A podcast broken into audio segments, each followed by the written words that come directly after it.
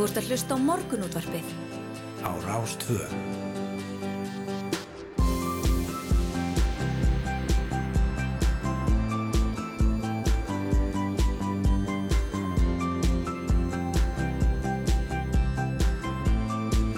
Morgunútvarpið Á Rástvö. Jú, morgunúðarspið heilsar 7. februar, klukkan er já, rétt rúmlega 6, við erum fyrir á ferðin en vanalega snærós, einfallega vegna þessarar rauðu veður viðvöruna. Já, emmitt, og einfallega vegna þess að ég gæti ekki sofið í morgun og Já. dróð þig fyrra staði vindursæðir veljum. Já, ég, við fögnum því bara og, og við fengum allavega hérna, já, já, sátum í örgum bíl og leið hingað upp Já. en færðin var nú ágætt frá miðbænum og vesturbænum hingað upp í Estaliti. Já, það er kannski alltaf að taka það fram að það var ekkit að, það var búið að móka mikið, það var ekkit að sko ferðinin sem er slíkri en það var hans ekki fast og við vorum í stórum bíl sem að, tóka á sig uh, mikið rók þannig að það er, uh, það er bara betra heima setið Já, já, en af stað farið. Já, já, akkurat. Nú það er náttúrulega þessi rauða veður viðvörun sem er í, í gildi já, hérna á, á höfuborgarsæðinum, Faxaflóa og Söðurlandi og, og veður fyrir vestandi á norðanverðu landinu líka. Við vorum hérna rétt fyrir útsendingu að heyra í Hjördísi Guðmustóttur, uh, upplýsingafulltrúa Almannavarna og hún sagði okkur frá því að færðin er mun þingri í efri byggðum höfuborgarsæðisins og, og þar er einhvað um fasta bíla, eh, færðin mun verri.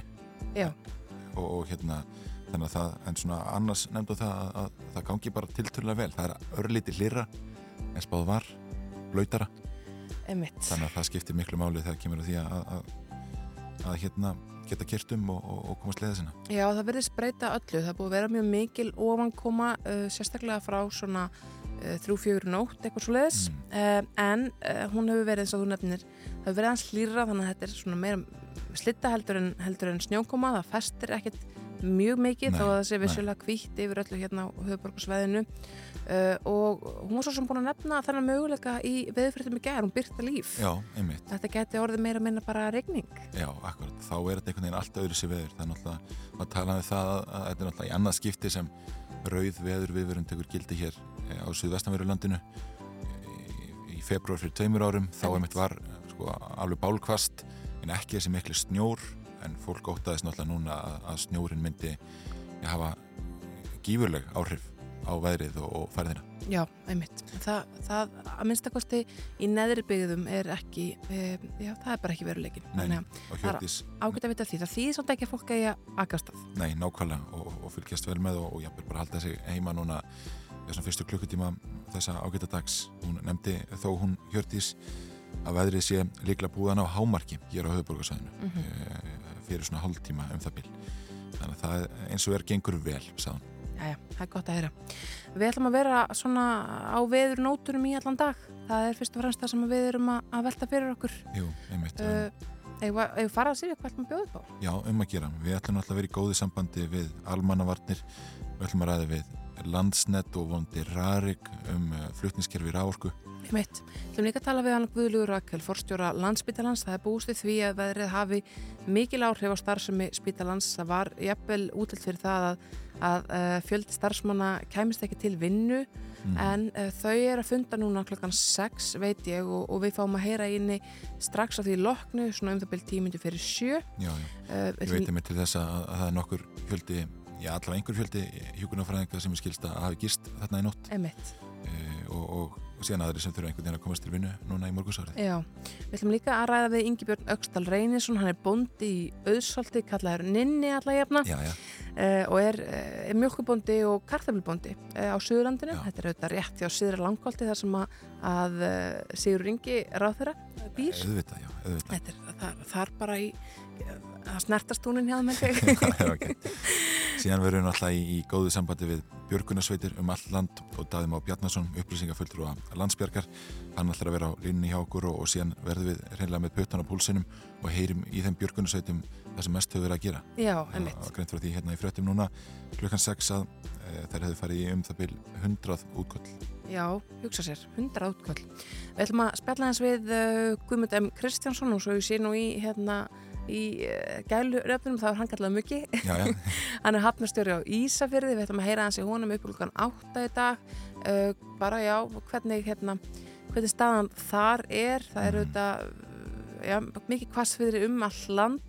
þó að, að það sé bara appisningul viðvörun annar staðar heldur en hér á söðu vesturhátninu og það er svo að sérstættingvar þegar að, að verða eitthvað svona öfgar Mhm. að þá verður sko það sem áður var öfgar verður bara eitthvað svona eitthvað svona nýtt norm Já, já, pínulítið sem er COVID að ef að- koma núna tölur sem segja þúsund smit þá er Já. að já ekki nema já, já, nákvæmlega, ekki nákvæmlega. nema Fyrir árið þá, þá voru engin smitt og, og við óttuðumst breska já, En þetta er svo fljótt einhvern veginn að breytast. hugsaðir og Já. líka bara þegar að þá dagar sem við fengum hundra smit þá bara þá bara Jésús, söðu sig Já, allir og, og hérna og syndu í bak og fyrir. Já, en núna eru þúsund smitt nýjanhormið og það er svolítið þannig að rauða við, veður viðvörunin er það sem að, að uh, augu allra hafa beinst að Mhm. en það þýðir ekki að það sé ekki skýta veður annars staðar á landinu. Nei, nei, nei, það er appelsinugul annar staðar. algjörlega. Og kannski rétt að nefna þetta, við erum að tala um hafnastjóra, þá náttúrulega verður mikil ölduhæð sem fylgir læðinni, kannski fyrst og fremst sent í kvöld og, í, og næstu nótt í runni og þá greint frá því í gær og, samkvæmt sjólags spá veðurstofunar að ölduhæð gæti jafnvel náð átján metrum sem er heilmikil hæð. Ja, það er gríðarlega mikið, algjörlega. En við ætlum líka að tala við Eirik Valdimarsson, hann er þjóðfræðingur, býr á Ströndum, Hólmavíka með skjáltastykki og hann, um, ég getur sagt okkur frá gammalið þjóðtrú sem að segir að ef að það, eh, það sesti sólar á kindilmessu sem var annan februar síðastliðin, þá megi búast við uh, já, veðri sem þessu, reynlega. Mm -hmm. Uh, ef ég finn hérna, ég ætla að finna hérna, uh, það er svo skemmtilegt kvæði sem að Já, einmitt. sem að fyldi þessari skemmtilegu þjóðtrú sérstöku, ekki það að maður sé uppfullur af gamli þjóðtrú, en uh, ég hefði nú samt gaman að því það hljómar einhvern veginn svona. Ef ég heiði sólinn sérst á sjálfa kindirmessu, snjóamænta máttumest maður upp frá þessu. Þetta er afskaplega skemmtilegt. Já, það hefur verið gaman að heyra hvað hann Já. er að segja. Kannski er þetta bara refsing fyrir það að, að það skildi vera svona gott veður hérna fyrir 50 um síðan. Já, ég ætla líka bara að henda þið fram að ég held að þjóðfræðingar séu skemmtilegsta fólk landsins. Já, með þann fróðleik sem þau búa að og, Einmitt. og, og, þá sögufærni sem þau geta beitt. Já, jú, A- jú, jú, alltaf lag Mér finnst ég, uh, þú veist Nei, djók Það verður allavega afskaplega skemmtilegt að- að heyri honum. Já, eh, en svo ætlum við líka að spá í snjóflóðamálum og vestfjörðum eh, svona rétt fyrir klokkan nýju Eh, það búist við miklu fannfergi það er, uh, það er í gangi uh, svona viðvörun vegna snjóflóða á norðanverðum vestfjörðum óvissu stig Já, já, eh, vegna snjóflóða hættu bæða á norðanverðum vestfjörðum og mið Norðurlandi það gild, tók gildi á miðnætti og, og um, við ætlum að heyra í þeim þar sem að líta til veðurs og, og líta til, til snjólaga. Mhm. uh, en það má hins vegar búa til því að það verður jafnvel ennþá aðeins svo mikið myrkur til þess að þau geti svona með fullir vissu sagt já, staðan já. Uh, Súðavíkuvegur Súðavíkur hlýðin uh, vegurinn Súðavíkur hlýð verður lokaður, Mhm. er lokaður já, við þurfum að fara nokkuð eh, vel yfir lokanur á vegum hérna eh, svona bara, já, já all, allan dag einhvern veginn, það er einhvern veginn allt lokað. En það er sem sagt, uh, um, já, það var endar, ég eiginlega skellti pínlítið upp úr þegar að, að hérna, ég var að lesa lokarnir í gær og það var Mhm. bara húnavarsíslur, lokaðar, skagaförður, lokaður, venjulega er þetta svona einn og einn vegur Já, já, já, og já. það voru bara stæður stóru landsveðin sem að uh, maður ekki endilega séð áður. Nei, nei, það má alveg segja það. En svo ætlum við líka enda þáttinn uh, vonandi í Peking. Já, við, við ætlum, við erum með þessa föstu leiti í þættinum okkar og við ætlum að halda því í dag, við ætlum að fara yfir íþróttirnar en það af nóg að taka í þetta skiptið og, og ringja út til Kína í ettu sif. Emitt, ég rætti hans við ettur sig í gær og ég mun svo sem minnast á þetta aftur og eftir. Uh, uh, hún svona, hún vonaði að það tækist. Uh, það þetta var greint frá því hérna í fréttum áðan að, að gerfinhettinur okkar hafa ekki verið að ráða við uh, þennan veðurofsa Nei, þannig að það hefur ekki verið hægt að sína frá ólumpíleikunum í nótt. En svo er Facebook líka bara bannað í Mhm. uh, Peking eða í Kína þannig að það hefur gengið erfiðlega ná sambandi við uh, Edusif og þeir sem þarna eru já, einmitt, þau beita alfarið öðrum samfélagsmiðlum þær í landi. Já. Sína kannski rétt að, að einmitt við ætlum að fara oft gætilega hérna yfir, yfir stöðuna á um, já, flutniskerfinu á rafmagninu og já, í nótt var rafmagnslust á stóru svæði til að mynda á höfuborgarsæðinu Já. þannig að það væri ágætt ef, ef fólk myndi keira vekjara klukkuna sínar á varafli Já. og fórum Já. allavega að fólk sé með hlaðana síma og, og vakni núna í morgunsárið. Eh, rafmagnir fór af réttum klukkan tvö og um, já, þegar fréttastofa rætti við Rarik í nótt þá lág ekki alveg fyrir hvað sko skýrði þetta rammarsleysi hvaða tengjur geta værið eða hvaða línur. Og rammagn er sumstað komið aftur á en annar staðar en rammarslöst og hér á Vessju er Rarik er eitthvað um rammarsleysi einmitt, það er rammarsleyst í Rangárþingi í Vallarkrók og nákrenni e, þar e, í landegjum að Gunnarsholma og hérna í Flóa e, og Skeiði og Kiðjabergi mm -hmm. þannig að það er hérna það er unnið af þessum viðgjörðum þar og vonandi komast við bara rætt og vel á staðin. Emitt. Svona rámasleysi það, það eh, segir ykkur alltaf hversu mikilvægt er að eiga rafluðu knúin útörp já, já, svo hægt sé að heyra frá frettum því að, því að ekki virkar internetið ef ekki til rámagnin. Nei, emitt. Það er kannski ágætt að nefna það hún Þorsteinsdóttir upplýsingafulltrúi landsnits nefndi það í gæra að, að þessi fyrirtæki hefur lært margt af óðurnu 2020 og að eh, var, þau væri einfallega betur í stakkbúin til að bregða sér nú en þá. Mm -hmm. Þannig að vonandi verður ekki mikið um ráðsleysi. Nei, vonandi ekki. Við, við vonum auðvitað bara að besta varandi þetta. Allt saman væri skellur á setnipartin fyrir austan og, og mér skilst að fólk sé nú þegar búið að tjóra niður heitipottana sína og það lokir þeim og, og hérna út í grillin. Já, einmitt. Og vonum bara að, að það halda áfram. Já, já, einmitt. Það er náttúrulega skiptur öllu máli bæði að, að almenningur hugja lausamunum og síðan einmitt að verktakar það verið mikið einhvern veginn svona beintið þeirra að, að ganga vel frá vinnusöðum. Já, algjörlega. Við viljum að heyra smá tónlist og verðum svo sem duglegi henni líka hér í morgunsárið. Þetta er, uh, þetta er lagi 16 með grafík.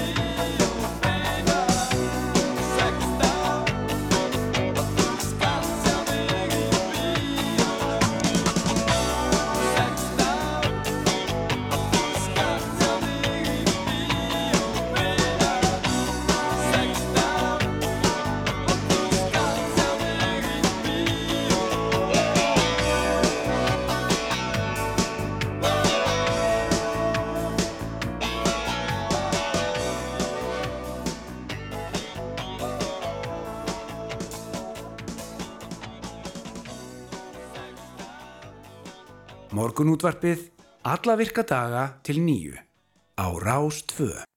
Jújú, jú, við verðum hér til nýju. Eh, Snæru Sendardóttur og Yngvar Þór Björnsson ætlum að uh, fara yfir allt sem að við kemur veðrinu með Mhm. ykkur og, og bara, já, spila skemmtilega músík líka. Já, já, bara vera með butan á búlsinum og, og heyra í já, viðbrasaðalum það sem hlutinir er að gerast. Einmitt. Það er einhvern veginn þannig. Það er kannski rétt að fara aðeins yfir eh, já, vegakerfi núna og, og færðina en það er já, bara náttúrulega ekkert ferðaveður eins og gefur að skilja og mikla lokanir, það má um, í rauninni segja bara allir helstu vegir landsins séu lokaðir bæði hérna á höfburgarsvæðinu og annar staðar, e, það er lokað um Hellisei og Þrengsli, um Moselseiði Lingdalseiði, um Suðustrandaveg e, á vestfjörum er ófært um Háldan og Kleifaheiði þannig að það er það er, það í rauninni bara allir vegir hvert fólk er að fara það er lokað einhvern veginn og, og, og kannski ágætt bara að minna á, á vefsið vegagerðarinnar. Þar er greint frá öllum eh, sko lokunum og hvena líklegt er að vegir opni. Mhm. og við sjáum það kannski sérstaklega hérna vestanverið landinu að, að ég minna vestfjörðavegur, allir lokaður lokaðum Mikladal og Haldán eh, á vestfjörðum um, djúbveg, þetta er hérna, þetta er viðtekar lokanir og ég held að, að fólk þurfi svolítið að halda sig einandira svona fyrstu klukkutíma þessa morguns Einmitt. Veðurfræðingarnir okkar hafa verið duglegir á samfélagsmiðlum í alla nótt og ég sér hér uh, á Facebook síðum Einars Sveinbjörnssonar veðurfræðings uh, að það var hver, klukkan 5 var hverki kvassar en á Reykjanesvita 39 metrar á sekundu í meðalvind og kviðutna voru slá í 53 metrar á sekundu á 5 tímanum.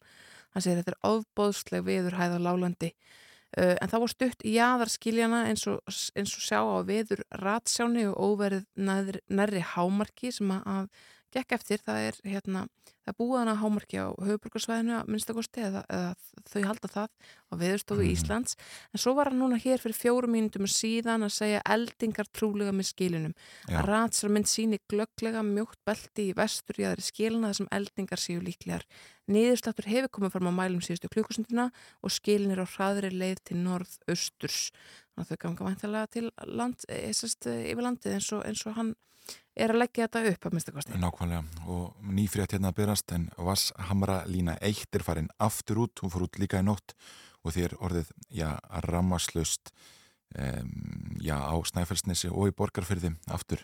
Og það hafa verið vandræðið mitt með rammatna þessu svæði síðan fimmleitið í nótt og um, já, það viðblásaðlar eru að vinna á þessu svæði við að koma rammatna aftur á Já. það er þannig einhvern veginn e, já, já, og, og þetta, þetta er áhugavert að, að hérna, að fá líklega eldingar Já, einmitt, það er hérna það er ekki á hverjum degi sem það koma eldingar á Íslandi. Nei, einmitt Við ætlum að heyra eitt lag, þetta er lagið Clown með Pale Moon, gaman að þessu.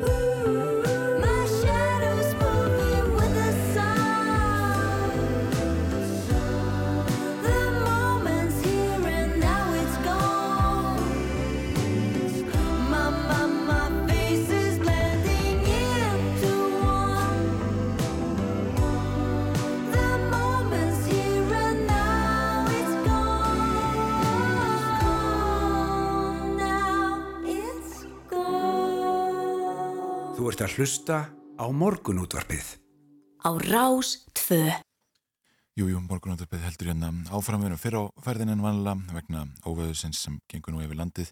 Við ætlum að miðla öllum nýjustu upplýsingum af já, færð og veðri til ykkar í alveg til klukkan nýju, heyra í björgunarsveitum og, og almannavörnum og eh, já, vera með fjölbreyttan og, og, og, og bara áhugaverðan, upplýsandi og skemmtilegan þátt núna í morgunsárið. Ég mitt, okkar fyrsta símtal verður að öllum líkindum til, uh, til setjandi forstjóra landsbytalans, uh, hún Guðlu Rakel, sem að er að fundi uh, já, þessa stundina til þess að ræða það hversu mikil áhrif óverið hefur haft á þau, Já, já, er greint starfsmenn hérna- landsbytalans. Já, já, það er greint frá því hérna á já, vefsíðu morgunblassins að um 78 starfsmenn landsbíðala gisti þar í nótt vegna þessarar viðvörunar og um, já, einungis erum að ræða það allra nöðsynlegasta starfsfólk sem þarf til að halda spítalunum á floti segir hér Mhm. um, og búist við að aðri starfsmenn komi til vinnum tíuleitið og guðlu bila til almennings um að vera ekki mikið á ferli en fer að læja.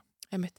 Já, það segir sér kannski sjálft að hluti af því að Já, hluti af því að vera ekki mikið á ferðinni snýst ekki endilega um það hvort því séu svo frábæra að keira í slittu eða roki, heldur Mhm. snýst þetta einmitt um uh, slísahættuna snýst um það að, að, um, björ, eh, að björgunsveitir og, og sjúkrabílar komist leiðar sinnar uh, ef að bílar festast eða, Já, uh, eða já, ef að slís verða á fólki það er mm.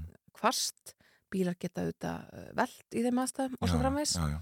Og það hefur líka bara verið mikið að gera hjá björgunarsveitum núna í nótt um hundrað verkefni í, í mist fóktjón og, og einmitt eitthvað um það að, að já, bílar séu fastir. Það eru dæmið það að, að það hefur gæst í efribyðum höfubókarsvæðisins það sem farð er svona örlítið tekin að þingjast frá fyrir að, að veðri sér svona mestu gengið yfir hérna á höfubókarsvæðinu. mm Þannig að það er hérna, já, þetta eru, eru óvinumarka tilkynningar sem, eh, sem landsbyrg hefur fengið og um 450 manns annarkvort aðstörfum eða í viðbrástöðum hjá björgunarsveitunum. Það þarf alltaf að taka fram uh, að uh, það er rauðveðurinn og, og uh, leikskólar verða uh, margir hverjir lokaðir, skólar líka, það kom tölupústu til foreldra í gær, skóla og frísundastarf fellur niður í dag vegna veðursins. Ríkisleirkstjóri lísti yfir hættustíi og þess vegna var ákveðið að fella niður uh, reglulegt skóla og frísundastarf en leikskólar og grunnskólar eru opnir með lámarksmönnum fyrr aðeins fyrir það fólk Já. sem nöðsynlega þarf á veisturinn fyrir börn sína að halda þar að segja fólk sem sinnir neyðarþjónustu, löggæslu, slökkvistörfum og byrjökunarsveitar útköllum Mm -hmm. og svo opnum ábara hreinlega ekki við um aðra. Nei, nei, einmitt, einmitt. Þannig að það er áhugavert hvort að, hvort að sko, fleirum verið hleyft að inn í, inn í skólana núna eftir háti eða hvernig skólahald verður. Það er nú kannski ekkit endilega líklegt að, að það veri miklar breytingar þar á en, eh, en við náttúrulega fylgjast með þessu eins og öðru hérna í, var nú þannig í februar árið 2020 að, að þá var skólinn eins mannaður og, og eh, já, eitthvað um það að börn eh, já, fóru þangað. Þú maður heyra eitt lag, þetta er Sycamore Tree og Love Lamb.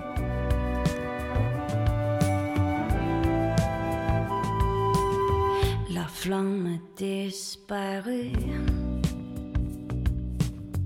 Et non, non sont perdus Le soleil est parti. Ton amour explosionne mon âme Euh, Comme le va, comme la drogue On a explosé dans la nuit. Ah, comme le va, comme la drogue, comme le soleil,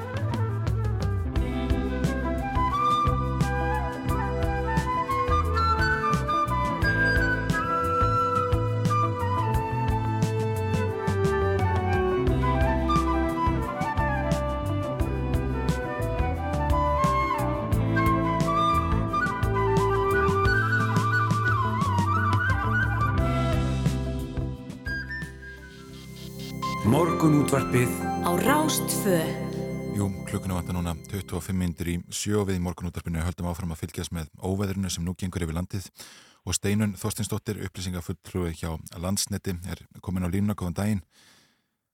Góðan dag. Hvað segir hvernig hefur nóttin verið?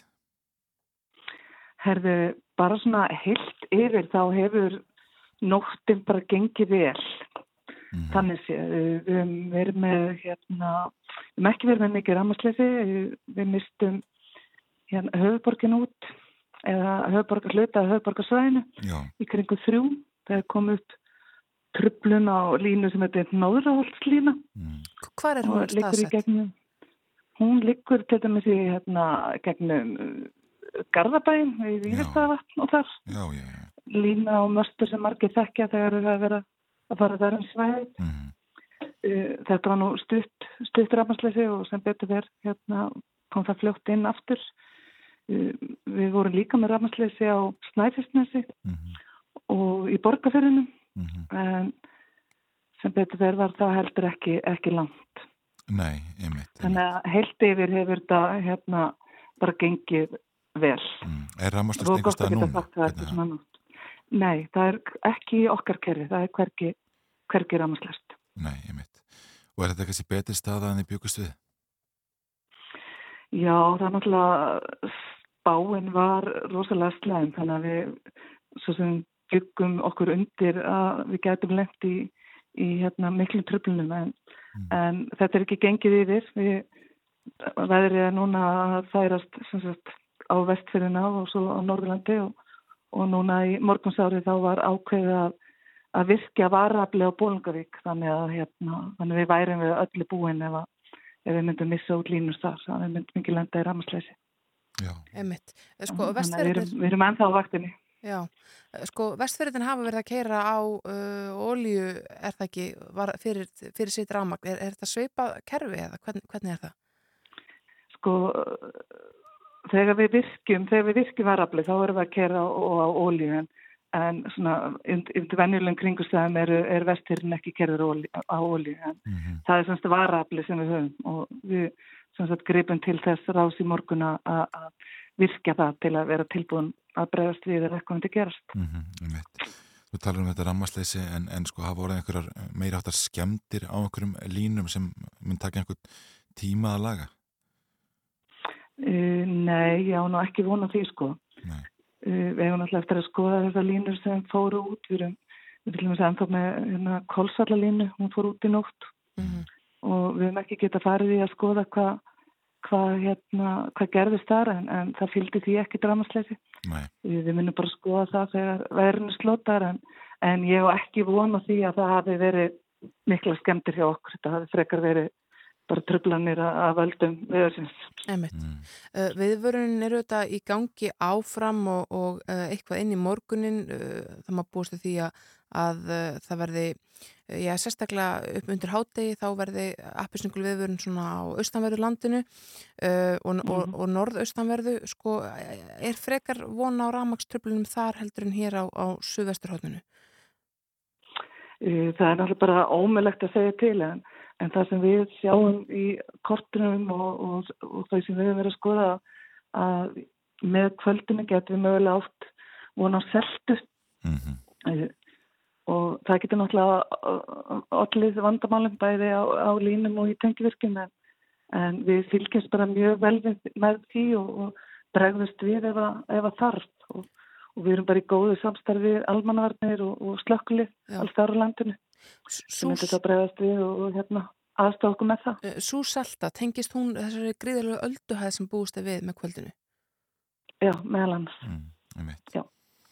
Þetta er áhugavert Steinu Þorstinsdóttir upplýsingafulltrúi hjá Landsnett. Eh, Þakka fyrir að vera á línunni og við erum eftir að heyra aftur í þér einhvern tímann síður í þættinum. Já, endilega. Takk fyrir það. Takk hérlega. Já, við höldum áfram hér í morgunútarpinu. Það uh, líður því að við förum að heyra í sitindi forstjóra landsbytarnas vegna þess ástand sem að, að þar hefur skapast. Þannig er vonandi ekki jafn alveg og uh, svona svörtustu spár getur það fyrir. Nei, nei, einmitt, eh, sko veðrið að mestu gengið yfir hér á höfuborgarsvæðinu, sagði Hjördi Skumustóttir, upplýsingafulltrúi hjá almannavörnum við okkur hérna í, já, fyrir þátt í runni Mm. og hún, hún, hún gaf okkur þær upplýsingar eh, að færðin væri svona, já, væri ágætt hérna eh, miðsæðis í Reykjavík en vissulega farin að þingjast aðeins í efribyðum. Já, en það má kannski taka það fram að það er rauð veður viðvörunni gildi uh, til uh, sko rúmlega átta, eitthvað svo leiðis Mm. og svo taka við appisningular um landið allt og, og svo skellur á gul aftur með kvöldinu hér á höfuborgarsvæðinu og já. Uh, þannig að þetta er ekki búið fyrir einhvern tímann, já, setnum partan á morgun. eins og hún áður nefnt í þessum þætti þá koma að laða þetta einhvern veginn á færibandi þessa dagana. Já, já, við látum það ekki að okkur fá. Þetta er uh, meira tónlist minna mass, þetta er lagið Ring of Fire með Johnny Cash.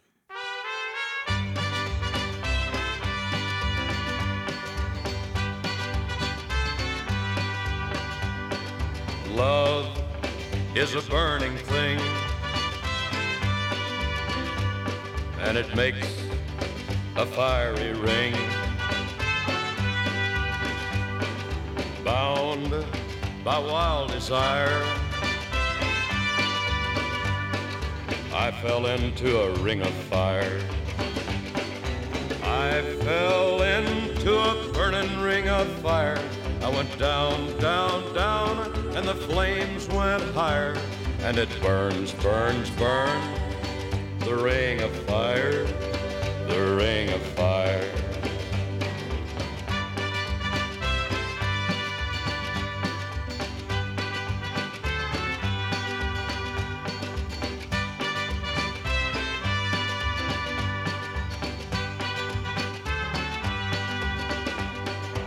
I fell into a burning ring of fire. I went down, down, down, and the flames went higher. And it burns, burns, burns, the ring of fire, the ring of fire. The taste of love is sweet when hearts like ours meet. I fell for you like a child. Oh, but the fire went wild. I fell into a burning ring of fire. I went down, down, down, and the flames went higher. And it burns, burns, burns, the ring of fire, the ring of fire. I fell into a burning ring of fire. I went down, down, down, and the flames went higher. And it burns, burns, burns, the ring of fire, the ring of fire. And it burns, burns, burns, the ring of fire, the ring of fire, the ring of fire,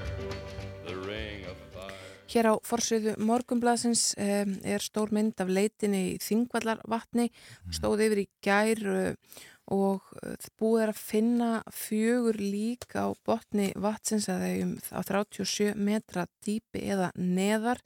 Og segir hér á, uh, já, hér á forsviðu morgumblasins er þetta fólk nafngreint, þessir menn sem að, að fórust í þessu skelvilega flugslisi. Þetta eru Haraldur Diego flugmaður, Josh Newman, Nicola Bellavia og Tim Alings. Tveið þessara manna eru svona ferða áhrifaldar, Já, belgískur áhrifavaldur og æfintiramæður Nicola Bellavia 32 ára og bandarískur áhrifavaldur og hjólabrættakappi Josh Newman 22 ára Mm. en svo var þriði farþinn hollenski Tim Alling sem starfaði á vegum fatalínar Suspicious Antwerp um, það var ekki und að uh, endurhefta uh, lík þessara manna í gær vegna viðurs þannig að það þarf að fara í það um leið og veðrun slótar Já, já, einmitt. Það er nú eflaust einhverju sem kannast við Josh Newman, hann hefur, hann er 22 ára núna en hefur búið til sko YouTube-myndbönd eh, frá því að hann var 12 ára Já, eh, og er með, já, rúmlega miljón fylgjendur þar það sem hann er að ferðast um, um heiminn og, og, og bara dreifa gleði og, og hérna og, og upplýsingum um, um eh, sko ferðalög og, annað slíkt mm. og líka með eh, einmitt marga fylgjendur á samfélagsmiðlum. já. Uh, þetta var Björgunsveitir og, og aðri viðbræðstæðalar síndu þetta bara aðdánaverða aðdánaverða hefni við að, að, finna og þetta finna flag vélarnar til að byrja með og, og svo uh, lík þessara manna. Mm þetta var greiðilega flókin aðgerð. Notast við kafbáta og dróna og, og alls konar. Já, já, einmitt. Og það var einhvern veginn ótrúlegt að, að ég, ég var staðsettur í, í húsnæðin Björgunarsveitarinnar í Garðabæ í ger mm. og þar var fólki með að koma úr þessari leit, ganga frá tækjum þar og var að fara að leggja á stað sumir hverjir sko strax aftur á stað inn í nóttina. Einmitt. þannig að þetta er búið að mæða mikið á Björgunarsveitum valland um, já, bara undanfarnar vikur getur við sagt. Já, það kemur þetta alltaf upp í, sko, þegar svona mikið gengur á, þá kemur alltaf upp þessu umræða hvers vegna, hvers vegna þetta er sjálfbúðarlega starf Já, já, uh, og svo framvis. En uh, hér sé ég á samfélagsmiðlum að, að það uh, hefur verið að slá niður eldingum. Uh, hér, það sló að minnstakorti niður eldingu í hveragerði. Segir hér Alli Viðar sem er Þorstinsson held ég alveg öruglega. Það var að slá niður eldingu svona 35 km frá húsinu okkar sem líst upp allt eldhús okkar hérna í hveragerði. Ég hef aldrei séð annað eins mjög hressandi Já, já, og það eru fleiri sem að fleiri sem er að greina frá því að eldingar séu já, byrjaðar að uh, myndast í og slá niður. Nákvæmlega, nákvæmlega. Nú, eitt sem við um kannski ekki nefnt, uh, hvað var þar, uh, já, bara hvernig fólk kemst að milli staða, þá um, er náttúrulega, hefur allt flög verið fælt niður núna í morgunsárið á Mm. vegum Æslandir Já. e, og sömulegis er herjólfur ekki að sigla í dag nýja morgun. Þannig að það, þetta hefur einhvern veginn vítak áhrif þetta veður á, já, alla á allt Já, það, það er alveg rétt uh, og auðvitað allir vegir lokaðir um Mm. land allt þannig að þetta er bara dagur til þess að, að hérna, búið til kakó. Það var hérna, eftir því að við kemum með eina fullkomnu uppskrift að kakó fyrir þetta veður, ég kann enga slíka Nei, uh, en þeir sem að hafa áhuga á að koma í sinni uppskrift þá verður að vera eitthvað alvöru, við erum ekki að tala um eitthvað svona þú veist, það má ekki segja bara tvær skera svissir bolla eða eitthvað, ég Nei. fór bara alvöru uppskrift, þeir geta sendt einhver tölubúst á morgunúttorpið.rúf.is eða bara gegn Facebook og síðu rásar 2 hvort Já. heldur sem er. Einmitt, einmitt. En allavega þá viljum við fá að heyra hérna uppskrift með ykkar. Þetta er ó- óska uppskrift frá, frá hlustanda. Já, nákvæmlega, það skiptir máli að gera vel við sig á tímum sem þessum bæði það er rauð veðurinn og, og ég myndi þetta annað búið að ganga á einhvern veginn í samfélaginu. Já, það var gott að bara fara undir teppi og, og, hérna, og vera með fólkinu sem manni þykir Einmitt. Drekka þetta heita súkulega eða heita kakó sem eh, við mælum með Já, ég held að það sem er mikilvægt að huga líka börnunum. Þau, fyrir, fyrir þeim er svona veður, uh, já, getur verið ókveikjandi sérstaklega í það húsum sem að, að kvinur mikið í. Já. Þannig að þá er um að gera uh, að setja á, á hérna, fá sér kakó eða kakó í morgumatt eða, eða horfa á krakkarúf, eitthvað skemmtilegt. Já, nákvæmlega, nákvæmlega Við ætlum að ringja í forstjóra landsbytalans hér rétt á eftir en fyrst er hún Sigrid.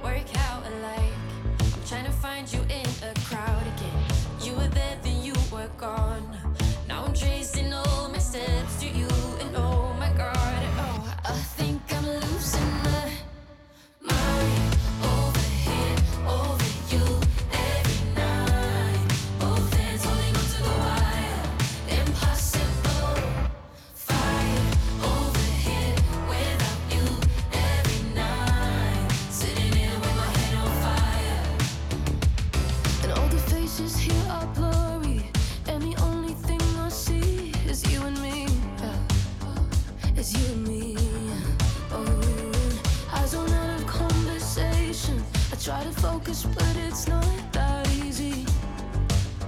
That easy. I'm trying to find you in a crowd again. You were there then you were gone. And now I'm tracing all my steps to you And oh my god. Oh, I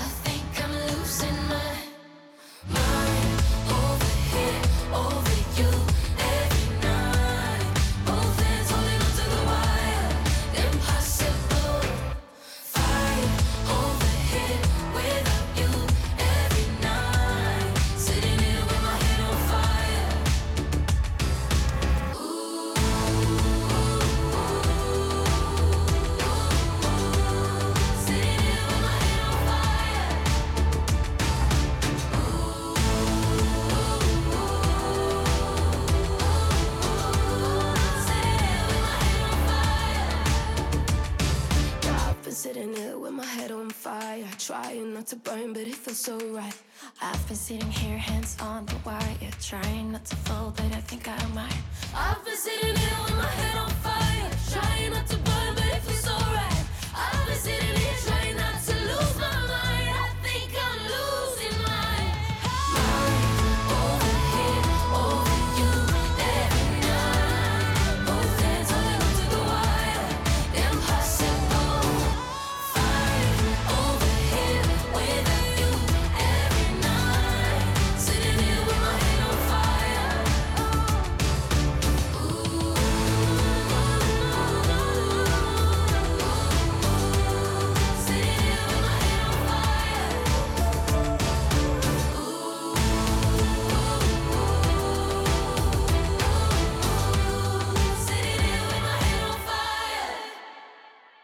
Rás 2. Fyrst og fremst í lifandi íslenskri tónlist. Hún er komin á línuna hjá okkur uh, Guðlug Rakel Guðjónsdóttir, forstjóri Landspítalans. Uh, við viljum að heyra í henni hvað var þar, já, uh, hvernig veður, veðrið hefur haft áhrif á starfsminni Spítalans. Góðan daginn. Já, góðan daginn. E, það er þannig að e, e, við vorum búin að undirbúa þetta mjög vel og hérna e, það voru hvað 78 starfsmenn sem gistu í nótt að svona þeir sem að nöðsölega þurftu að, að vera komnir í vinni í morgun. Já, E, bara það, nöðs, þeir allara nöðsölegustu sem maður segir, þetta er nú bara lítið hlut allar þeim sem að mæta til vinnu á hverju morgunni. mm, En e, e, það fór náttúrulega eins og, eins og kunnugt er rafmagnið af, varar afstöðvarnar okkar fóri inn bara mjög fljótt, bæða hringbrötu í fósfói og e, svo haf, fór rúða og landakotu og það var svona, við vorum með teimi sem að fóra af stað og lagaði þannig að, hérna, þannig að þetta hefur allt í sjálfu sig gengið ákveðlega. Ok. já, við Byrjum kannski á svona rúðu á landakoti, uh, sprakk hún á því eitthvað fór á hana eða bara hreinfalla út af þrýstingi? Bara, ég, ég er ekki alveg með það hrein, ég held að hann bara vera út af þrýstingi sko. Já, einmitt. Og, og var eitthvað, sjúklingur inn í þeirri stofu? Nei, þar sem- nei, nei, þetta var inn í svona skálaherbyrgi þar sem að það var enginn þar sem betur fyrr. Já, einmitt. Þannig að þetta veður hefur ekki haft já, mikil áhrif á þá sem er á spítalanum. Nei, til. nei. En þannig oft Nei. talað um eh, sko, plássleysi þar. Hvar er, Mm. eru allir þessi starfsmenn að gista? Núna eru allir þessi starfsmenn að gista það sem að hefði átt að vera göngudeldastarfsemi í morgun. Þannig að við notuðum bara hvert hotn til þess. Þannig að þetta gekk allt saman upp hjá okkur. Þannig að við, hérna, það voru sett upp auka rúm og, og rúm sem að kannski annars var nýtt öðruvísi. Mm, Það, hérna, og skoðanabekkir og svona, þannig að það var bara allt nýtt. einmitt. Og hérna, og fólk, hérna, eh, eh, við erum bara svo velstödd með gott starfsfólk sem vil láta hlutina ganga. Já. Uh, Hvað með heimsóknir eins og bráðamóttöku? Hafa þær verið miklar, í, miklar eða jafnvel minni í, í nóttaldur en þegar það vennast? Eh, sko nóttin bara gekk alveg ágætla fyrir sig á bráðamáttugunni. Þannig að það var allt í góðu þar. Bara svona, já, gekk bara mjög vel. Mm Og hva- hvaða þjónusta liggur þá niðri núna í morgunsarið, nákvæmlega? Já, við erum ekki með neina göngudelda þjónustu. Við aflýstum öllum göngudelda komum þannig að allar göngudeldir eru lokaðar. Eh, fólk fjekk sendt eh, smá skilabóði SMS í gær um það að það væri aflýstur tímarnir og fengi útluta nýjum tímum. Mm Uh, sko, á- eigið þið vona því að verið hafi einhver frekari áhrif hjá ykkur eða er bara það að það sé svona það versta yfir staðið hér á höfuborgarsvæðinu það sko, horfið til betri vegar þar með, þar með. Já, ég vona það. Við vorum búin að undirbúa þannig að, að hérna varandi morgun mat fyrir starfsfólk og sjúklinga. Já, því við erum alltaf með eldhúsið á einum stað og flytjum á milli og og hérna við vorum búin að gera allar ráðstafanir í kringu það þannig að þetta á alltaf ganga vel fyrir sig. Já, já. Hva- hvað með það sem voru vakt í nótt? Hvernig kemst það fólk heim? Mm. Sko við vorum nú búin að tala um það að fólk færi náttúrulega alls ekki af vaktin og það er við beðið þangur til að það væri fært. Núna snýst þetta kannski svolítið um það bara hvernig svona umferðar æðarnar eru og hversu greiðfært er inn í hverfin. En við gerðum svo sem í sjálfsögur ekki ráð fyrir því að fólk væri að fara heim sko, fyrir en veður myndi læja. Mm. Mm. Þú, þú talaði um það hérna áðan að, að því að við þurfum að keira spítalan á, á varaafli á tíma uh, Mm, voru, mm. var einhver tími þar sem sko var rammarslust á spítalanum eða, eða kemur það, kemur það beintin? Nei, það er sko, það, það kom eiginlega beintinn bæði á Ringbrut og í Fossvögi kannski aðeins setni inn á Landakoti en, en hérna, en þetta gekk bara allt samkvæmt áallin. Það var búið að hérna að prófa vara afstöðvarnar og það er virkuð bara eins og það er ofta að gera. Já, einmitt. Finnið þið fyrir einhverjum svona óróleika hjá sjúklingum vegna veðusins og kannski sérstaklega á landakoti þar sem já, rúða springur og, og rammak fyrir af? Nei, það var bara, þú veist, það var, ég, þegar ég heyrði ég náðum, það var bara svona, fólk lit bara vel af sér og þetta, þetta bara, bara brúðist alveg hárétt við og, og þetta er bara allt í, allt í góðu lagi. Gott að heyra, Guðlur Rakel Guðunsdóttir, Já. uh, forsöri landsbyllans, takk kærlega fyrir að vera á línunni hjá okkur. Já, takk að kjalla fyrir, já, bless. Bless. Uh, það steytist í það að við fórum að skipta yfir á frettastofan einhver. Jú, einmitt, þar fáum við já, líka nýjustu fréttir af eh, því sem er í gangi núna, þessi óveðri sem gengur yfir landið. við höldum vitsköld áfram hérna að, að fjalla um allt það nýjasta um rammagnið og, og hvað björgunarsveitir er að bralla hverju sinni. Þetta voru um hundrað útköld sem björgunarsveitinar höfðu farið í já, fyrir einhverjum, einhverjum tögum mínúna. Já. Þetta er fljótt að bæta svið sérstaklega þegar það er uh, þungfært í efribyðum. Já, við ætlum að það að heyra í, uh, í björgunarsveitafólki. Uh, ég meðan hans í Hafnafyrði, hér rétt á eftir, eftir sjöfréttinar. En hefur ekki bara heyra eitt lag áður en að... Ég held að sem að gera. Er það ekki bara? Það er bara notalegt hérna í morgunsárið. Þetta er lagið Be Sweet með Japanese Breakfast.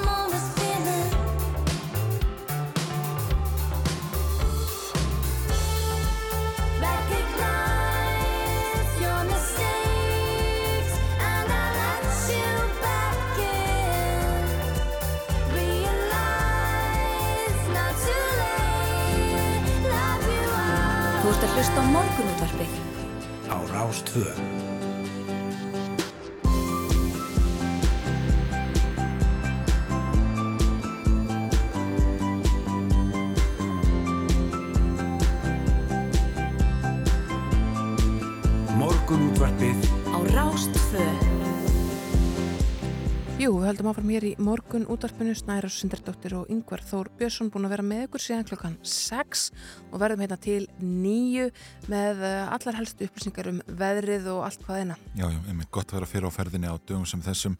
Við fyrir við það í þættinum dag, við erum þegar búin að ræða við fórstjóra landsbítalans og síðan erum við líka búin að ræða við Steinunni Þorstinsdóttur, hún er upplýsingafullur hjá Landsnett um, og það er einmitt, sko við ætlum að halda áfram að fylgjast gætilega með rammagströflunum, með starfi björgunarsveita og með öllu því helsta sem er að gerast vegna þessara rauðu veður viðvarana í dag. Já, hér eftir skamastund ætlum við að heyra í Helga Grímsinni sem er sviðstjóri í skóla og frísundarsviðs hjá Reykjavíkuborg Mm -hmm. uh, einfallega af því að uh, það stefnir í það að, að það er að smista kosti búið að aflýsa skólahaldi og leikskólahaldi í Reykjavík og spurning hvort að svo ákvörðin verði endur skoðu þegar að, að ljóst er að færðin er ekki að slæma búist var við Já. og veðrið er búin að hámarki og það er bara að læja svona smátt og smátt hér á höfbrukarsvæðinu það voru Já. einhverjir fóldar sem spurðu sig að því ger hvort að það væri virkilega nöðsynlegt að loka allan daginn og ég held að, að það, hérna, já, það sé fínt að ræða það við hann hér rétt á eftir. Mm Einmitt. Það var nýfrétt að berast hér hjá Rarik en það er rammagsbilun í gangi frá Skorholti að höfn og það er verið að leita að bilun og Rarik beinir til fólks að hafi fólk einhverjar upplýsingar sem getur hjálpað við bilana leit þá á það að hafa samband við svæðisvakt Rarik Vesturlandi. Í síma 58 93 90 og Rarik var einmitt að byrta hér nýja fréttum svona það sem er byrta yfirlit um truplanu veitna óveðus taka þetta svolítið saman. Það er ljóst að það hafa verið nokkrar tröflanir í landskerfinum í nótt Vesturland farið út tvisasunum Einni er kólsvallalína landsnets úti en það verður ekki valdið ramast leysi enn sem komið er. Á Suðurlandi ramast tröflanir e, já, frá því klukkan 20 metri fjögur í nótt. Eins og staðinni núna eru merkur bæir úti, holt og landsveit, uppsalur frá Selfossi að Brautarholti, landegar frá Kvolsvelli að Gunnarsólma, vallarkrókur frá Kvolsvelli og skaftártunga á Altaver og, og farið er að bera á eldingum sem geta senkað viðgerum eins og við nú nefnt hérna áður. Já, einmitt, maður sér það á samfélagsmeilum að fólk er að verða vart við mikla eldingar bjartar uh, að því verist svona nærri beigð þegar fólk er orðað að fólk er að tala um að eldhúsna er að sé að lýsa upp og svo framvegs þannig að það er, uh, já, það er pínlega spennandi. Já, við erum ekkert vön eldingaveðri hér á landi. Nei, einmitt. En ætlum að heyra smá tónlist, þetta er lagið Þú af nýri plötu Fridrik Stórs og svo ætlum við að heyra í Helga Grímsinni varandi leikskólana og skólana hér í Reykjavík.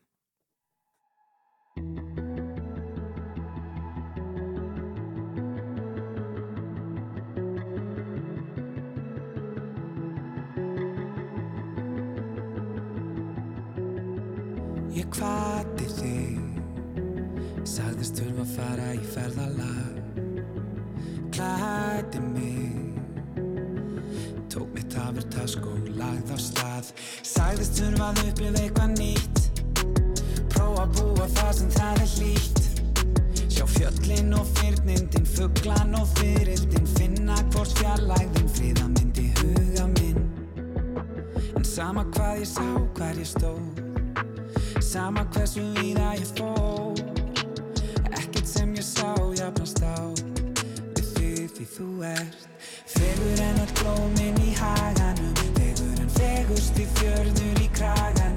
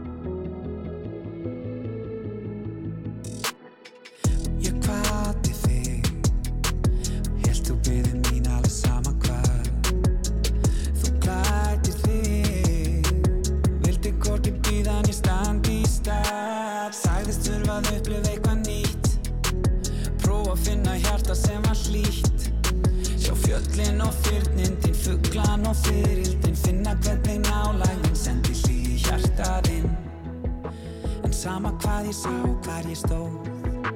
Sama hversu víða ég fór.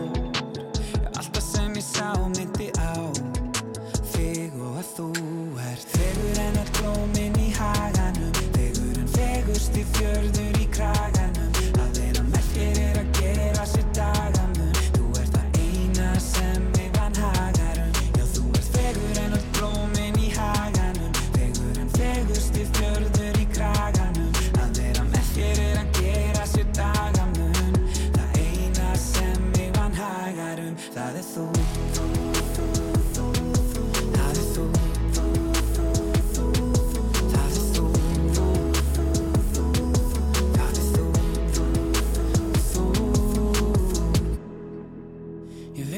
það er líklega allt og seint.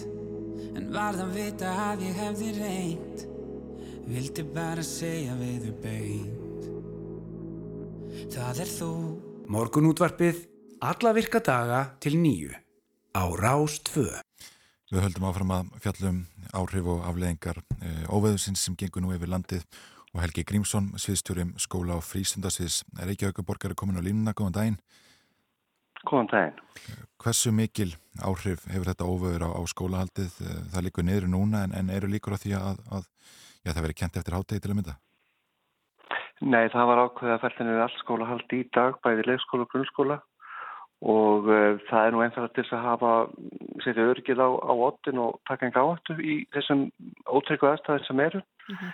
En uh, það er náttúrulega viðbúið það hér núna að eða gengur niður og eftir að, að margar húsagötur, sérstaklega efribyðum, séu bara teftar að snjó og, uh, og það var tekin þess ákvörðin að, að taka enga sensa bara af því að e, vissulega voru aðstæðar einhverju leiti óljósar e, hvað veðrið myndi ná neðalagi byggð upp á, upp á snjókoma annað þannig að, að e, þetta er staðan að við ákvæmum að, að hafa ekki e, starfsemi í leikskólum og grunnskólum í dag.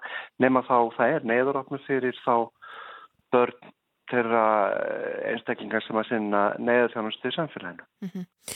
Það er, sé, maður sér hér á, á vef, veðurstofunar að uh, rauða viðvörunum gengur nú niður bara 8.39 eitthvað svolítið hér á höfuborgarsvæðinu og þá er engin viðvörunni gildi Já, þetta er setnibartin þegar að gul viðvörun tekur við. Er, sko, er Já. bara engin möguleiki að, að það verði opnað? Ég veit auðvitað að það er ykkar fólki búið að vera móka í alla nótt og standa sér greiðilega vel. Það er bara engin séns að leikskólar eða, eða grunnskólar opni, sérstaklega kannski neðri byggðum þar sem að, að ekki, færðin spiltist ekki jafn mikið. Það, þetta var niðurstaðar mannvarningar að gerðum þessum hætti í dag. Við höfðum þessa reynslu í, fyrir tveim ára síðan, við gerum þessum söpöðum hætti. Þegar það var ljóst að það myndi mögulega enda með ólíkum hætti á höfuborgarsvæðinu. Uh, þá voru aftur að spekla reynslu uh, árinu eða tveim árum áður þar sem að, að var ákveðið að hafa opið og fá sátu uh, borgarbúar og höfuborgarbúar bara í bílum sínum vitt og breytt um borgina af því að þeir voru ná í börn í, í skólastarf og við vildum ekki endur taka þann leik af því það, það hafði líka slæmar aflegangar. Vitið eitthvað hversu mörg börn, já svona cirka bát, mæta í skóla í dag og, og þetta starfsfólk sem mætir til að taka á, á mótið þeim, eh, hvernig kemst það til vinnu og hefur eitthvað verið gert til að, til að koma þeim á milli staða? Eh, sko, það er er þannig að, að við að býr starfsfólknum um miklu nákvæmni við e, sína vinnustæði og þegar þeir eru farið í neðaroknum þá með einn eða tvo starfsmenn í leikskóla og, og svona þrjá fjóra í, í, í grunnskóla e, en e, við gerum það ráð fyrir að þetta fólk, starfsfólk sem að er að sinna neðarfjónustu að það verður að komast á sin vinnustæð og og uh, hvað sem það gert það með aðstofað börgunarsviti að annars líka aðila að þá er það það viðmið sem er að horfa til. Einmitt.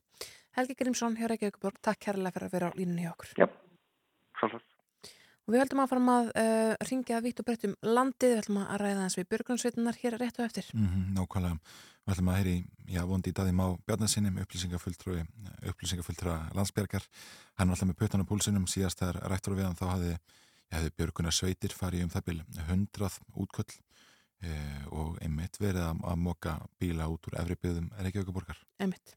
Fyrst smá tónlist, þetta er Slow Me Down með Bergrós Höllu spinning like I never stop. When I'm so far down, I'm giving up. When you hold me, everything feels like it's alright. You turn nighttime into daylight. Everyone's been asking why I'm staying. But you're the one who stops me when I'm shaking. So I think I need to keep you around Cause I don't know how else I could go now. You are the only one to slow me down, slow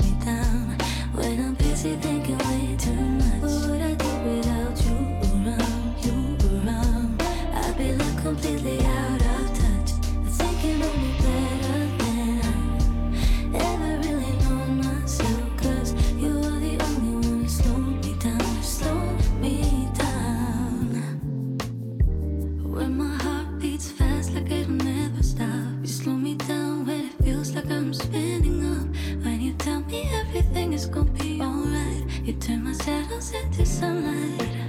Everyone's been saying I should leave you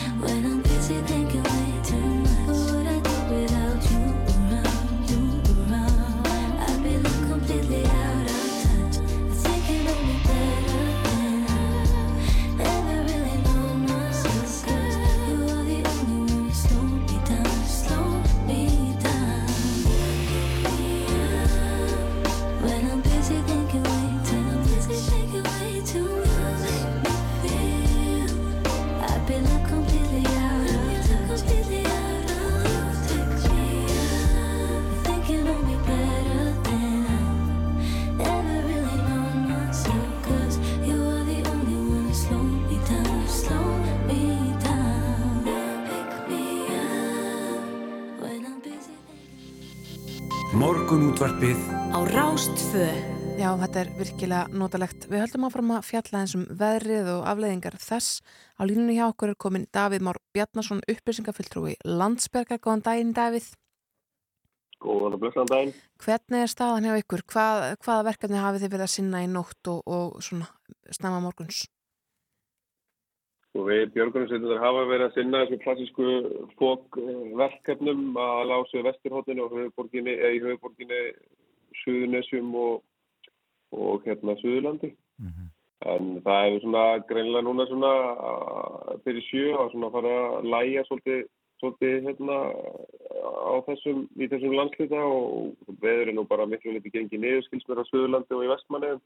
Já. Hvað er þetta mörg útköll, allt í allt, það sem hafið degi? Sko, björgunarsveitur hafa sem aðver þessum degi sem 120 útköllum svona grónlega. Mm. Eh, var náttúrulega mikill, mikill viðbúnaður í raun og veru, eh, voru marga á mörgum stöðum björgunarsveitur sem voru bara klárar hérna í húsi sem að að bregðast við um lega kalli kæmi. Þannig að það var vel mönnu þessi nótt sko og, og, hérna, og hefur gengið bara heilt yfir bara nokkuð vel sko. Já, ekkert, ekkert, stórkvæmt tjón eða, eða skemmtir á mannvirkjum eða öðru slíku. Það er alveg, klálega sko tjón einhver staðar en það er ekkert svona stór tjón en það, ég veit ég hafa séð óinu mikið að tilkynningum um svala, hurðir, hurðir og glukka fjúku. Það er náttúrulega leiðinda tjón sem fylgir því en, en það hefur ekki verið tjón á, á fólki og, og við höfum ekki þurft að eiga mikið við verkefni tengt ófært. Er bara Nei. Með mikill kostur að þegar, þegar að það snjóa náttúrulega svolítið í nótt og svo er eitthvað aðeins bara að hlýna í þessu núna sko en þá var víða svolítið, svolítið léleg færð og ef það hefði margir verið á færðinu þá hefði þetta getið orðið miklu, miklu meira bras. Við rættum hérna áðan um það að færðin væri einna vest í efri byggðum höfuborgarsvæðisins þegar litið er að þennan já, svo vesturhóttnið eh, hvernig það er einhverju bílar fastir þar núna og hafa útköllin verið mörg í efri byggðum? Nei, það hefur ekkert verið afgerandi fleiri í afriðum útköllin og það voru tilkynningar í uppáði bara þegar veðrið var að ganga hérna, koma hérna að skella á hérna um fjöguleiti þá, þá kom einhverju tilkynningar á fasta bíla. Síðan höfum við ekki séð það en, en með skilst það er verið að, enn verið að móka í borginni.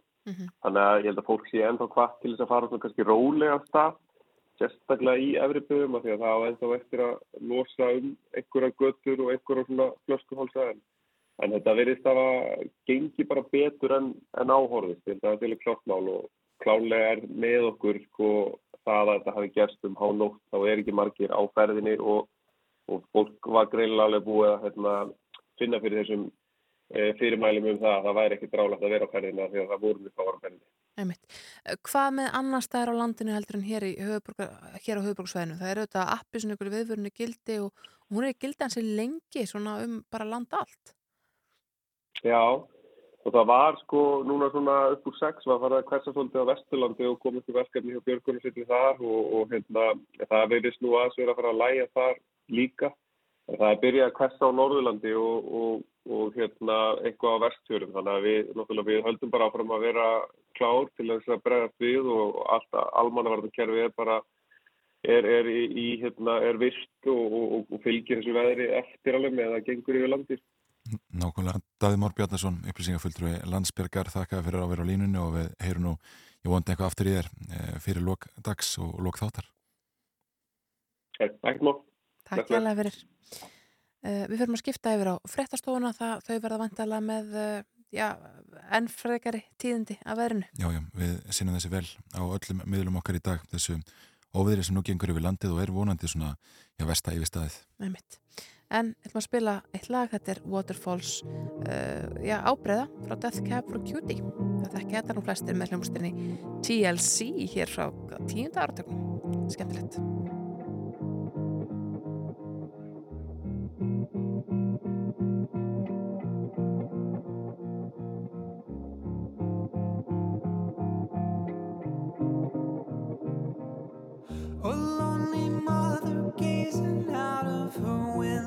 Staring at a sun that she just can't touch.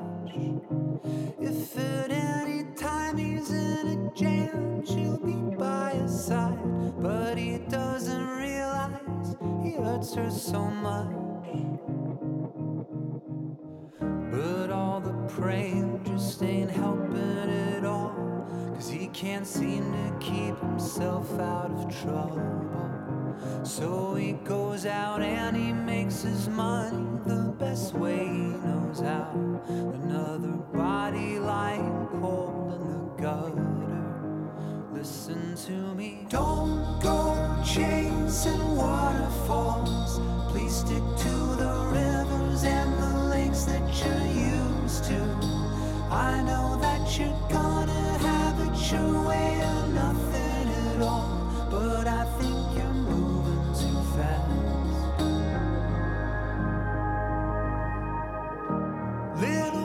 Precious has a natural obsession for temptation, but he just can't see.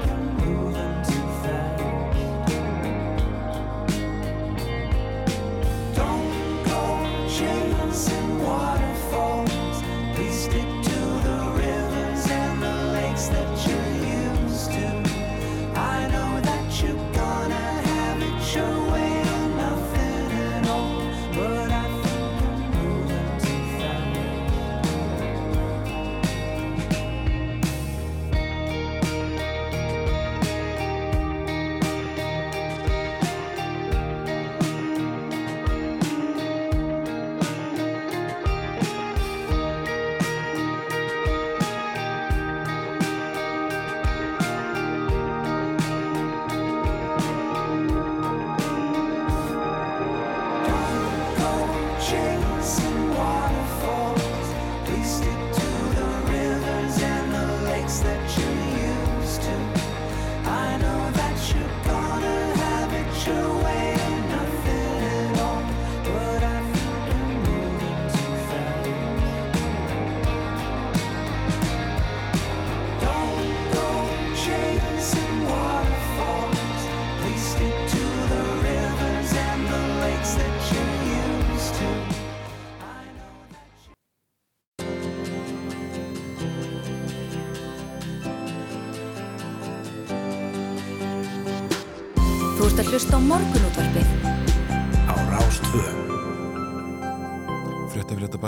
Morgunúttarpið heldur hérna áfram. Við erum búin að vera að síðan klukkan 6 í morgun Snærós og, og vitaskuld var ja, Þórður Helgi á vaktinni í alla nótt að fylgjast með þessari e, lægð sem nú gengur yfir landið. Já, hann var svona ilja fólki á meðan að það versta gekk yfir. Já, já, einmitt. Nú það er kannski rétt að fara aðeins yfir e, vegarlokanir en vegir eru einmitt víða lokaðir eða ófærir eins og staðinni núna. Núna um klukkan e, sjö þá var Vesturlandsvegur lokaður frá Kjalarnes í Borganes og Akranesvegur, Mósvelsheiði, Helliseiði, Reykjanesvegur og Suðustrandavegur líka. Og Holtaveri heiði, Brattabarekka, Vaskarð og Öksnadalsheiði eru líka lokaðar, rétt eins og Siglufjaravegur og allir helstu fjallvegir á vestfjörum. Þá er lokaðum Mývarsöðræfi og Biskupsáls, Fagradal og Fjardarheiði og vetrafærð reynlega á flestum þjóðvegum. Það er bara staða núna. Og strætu ekki að ganga eins og við nefndum hérna áðan og allt flug verið fælt niður. Já, einmitt. Uh, það er bara best að fylgjast með vef vegagerðarinnar þar koma inn nýjar upplýsingar ef að einhver vegir opna og ný.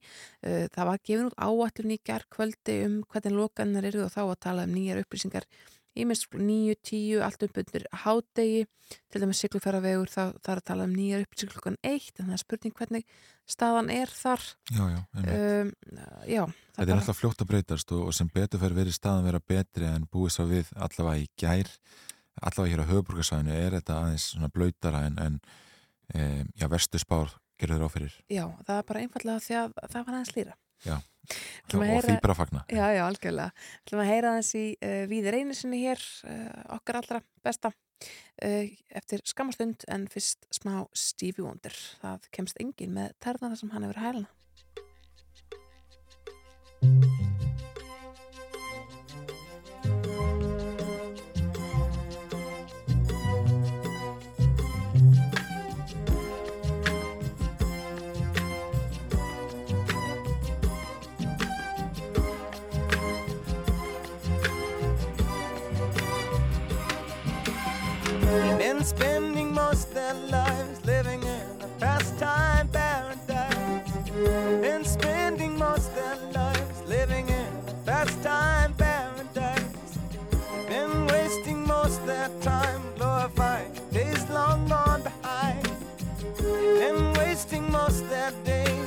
Remembrance of ignorant soul dispraise. Tell me who of them will come to be? How many of them are you and me? Dissipation, grace relations, consolation, segregation, dispensation, isolation, exploitation, mutilation, mutation, miscreation, confirmation to the evils of the world. And spending most their lives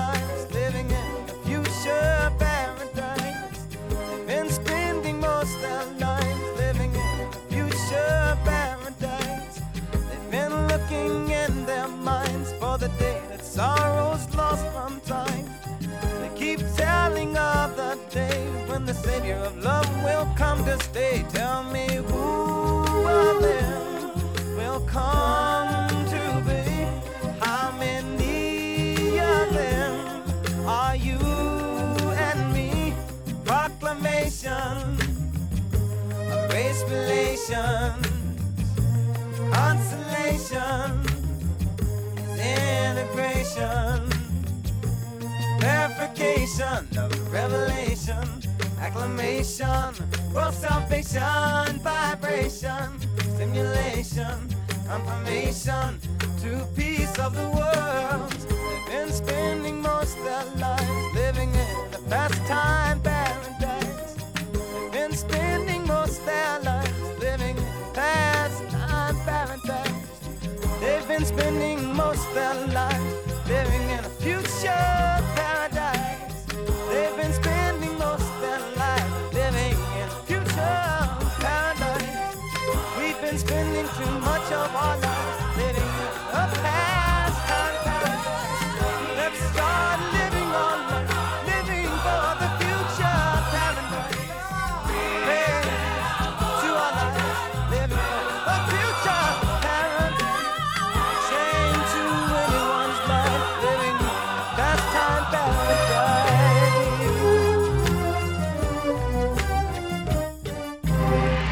Hlusta á morgunútvarpið.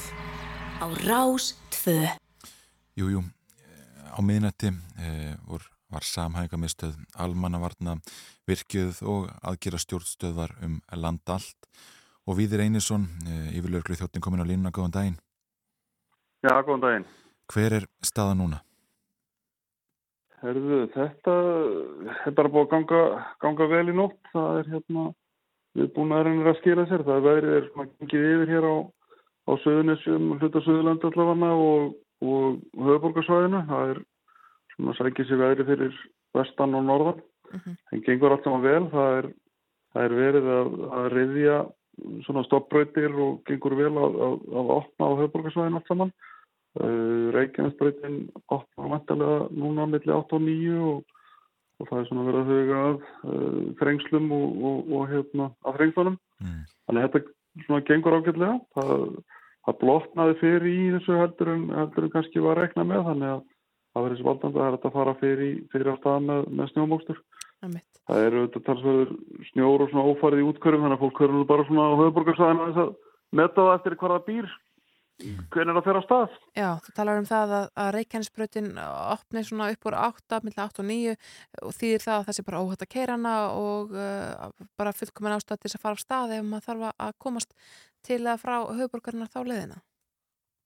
Já, ég bara þegar veðgjörn er búin að gefa út á sjórðin fær, sko, það er auðvitað, það er auðvitað talsöru vindur og það maður búast við að á Söðvesturlandi í dag þá, þá svona gangi inn með, með í eljum, þannig að, að það nú svo sem þetta er ekki alveg búið en, en versta er alveg klárlega búið og eins og segjum meðan það er svona það er aðeins eh, gráðunni hlýra heldur en, heldur en var þannig að, að, að þetta verður svona í blöytara lagi vantarlega þannig að það er betra. Já, já, einmitt. En það máli segja það að þetta hefur farið bara mun betur en, en búið svo við? Ég held að undirbúningunni skilaði sér bara mjög vel og það voru, það voru hérna allir þessir aðilar sem, að, sem vinna saman í þessu voru bara að, búinir að gera allt tilbúið og, og gáttu bröðist við allir sem upp á komi í nótt og, og eins og segir þetta er svona ekki búið alltaf, það er, það er hérna, þetta er að ganga yfir landið í dag. Þannig það er sama verður áfram, það er, það er þetta tölvöld mikið búið að vera ramastörblunum uh, svona á, á söður og, og vesturlandi og hérna og það hefur ekki gefið alveg til viðgerð það sem það er en það er svona að komast að ramagna á allstaðar held ég, held að það séum ekki, ekki margir allan sem eru ramagnslega Nei, það kemur hérna fram á vef rúfa það eru eldingar sem er að senka viðgerðum, uh, sérstaklega á Vesturlandi, sko hver er staðan á Snæfellsnesi til dæmis, það sem að, að ja, stó til að loka bara hreinlega öllu nesinu fyrir umferð og, og, og ramagla á niðri á tíma? Já, það var bara, og búið að vera mjög slemtuð þar og, og og það er bara sama staðan ennþá með, með það sko. Þannig að, að fólk verður bara að býða, býða með þetta kengur niður mm -hmm. og þannig að við erum fyrst og reynst að hugsa líka bara um öryggi þess fólk sem að, sem að sinnir þessum viðgjörðum það er ekki takt að fara að staði það þegar að þeirra er hægt á eldingum þannig að við bara býðum, býðum róleg með það Já, já, einmitt. Hver er staðan sko, hafið þið fengið einhverjar, einhverjar meldingar það að skipið að bátar hafið lengt í vandaræðum? Nei, ég held að flest bara verið komin í land en það var, var hérna svolítið hamagangur í, í höfnunum eins og bara til dæmis hér í Reykjavík og, og síðan er það sem við hefum vona á núna eftir hátegi í dag þegar svona söðu vestanáttin fyrir að taka sig upp og þá, þá hérna, verður meiri öldugangur og við hefum vona meiri látum í, í höfnum í kjölfaraði á því. Nákvæmlega. Viðir Einarsson, þakka fyrir að vera á línunni hjá okkur í morgunundarpinu. Takk leiðis. Og við ætlum að fara að heyra uh, fljótlega í uh, bændum á Suðurlandi. Já, nákvæmlega. Heyra hvernig, hvernig kýrnar hafa það í útihúsunum og, og hvort að það sást á milli, ég reynlega á milli, he, hérna, milli heimabæjar og, og uh, útihúsa í dag. Já, já, ég held að það sé, að sé brinda að skoða það líka hvernig dýrin hafa það í, í þessu ofðri. Já, það held að sé fulla ástæði þess. Við ætlum að heyra eitt lag, þetta er Respect með Arithu Franklin.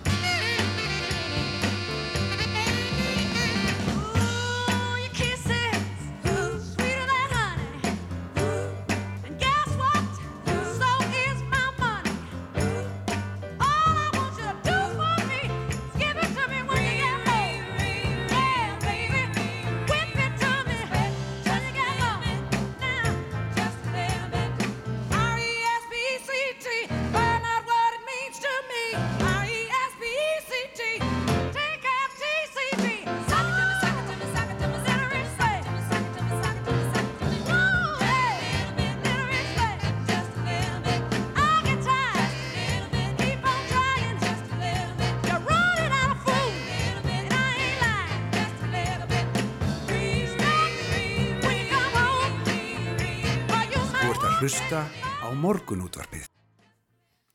Jújú, það er nýfrétt hérna inn á vefsíðu RÚV þar sem kemur fram að, já, þrátt fyrir það að, að veðri sé að e, mestu gengi niður á höfuborgarsæðinum þá falla allar morgunferðir stræt og niður eins og áallar var á allar e, ferðir hjá Akstustjónustinni pant líka og Guðmundur heiðar upplýsingafulltrúi segir að, að það sé stór bíl sem pekkar marga vakstjóra upp núna á næstunni og ef öll þessi morgun rútína riðlast þá senkar auðvitað fólki sem á að hefja akstur. En komist allir vakstjóra til vinnu og á sinn stað þá eiga ferðir strætu að hefjast aftur klukkan tíu.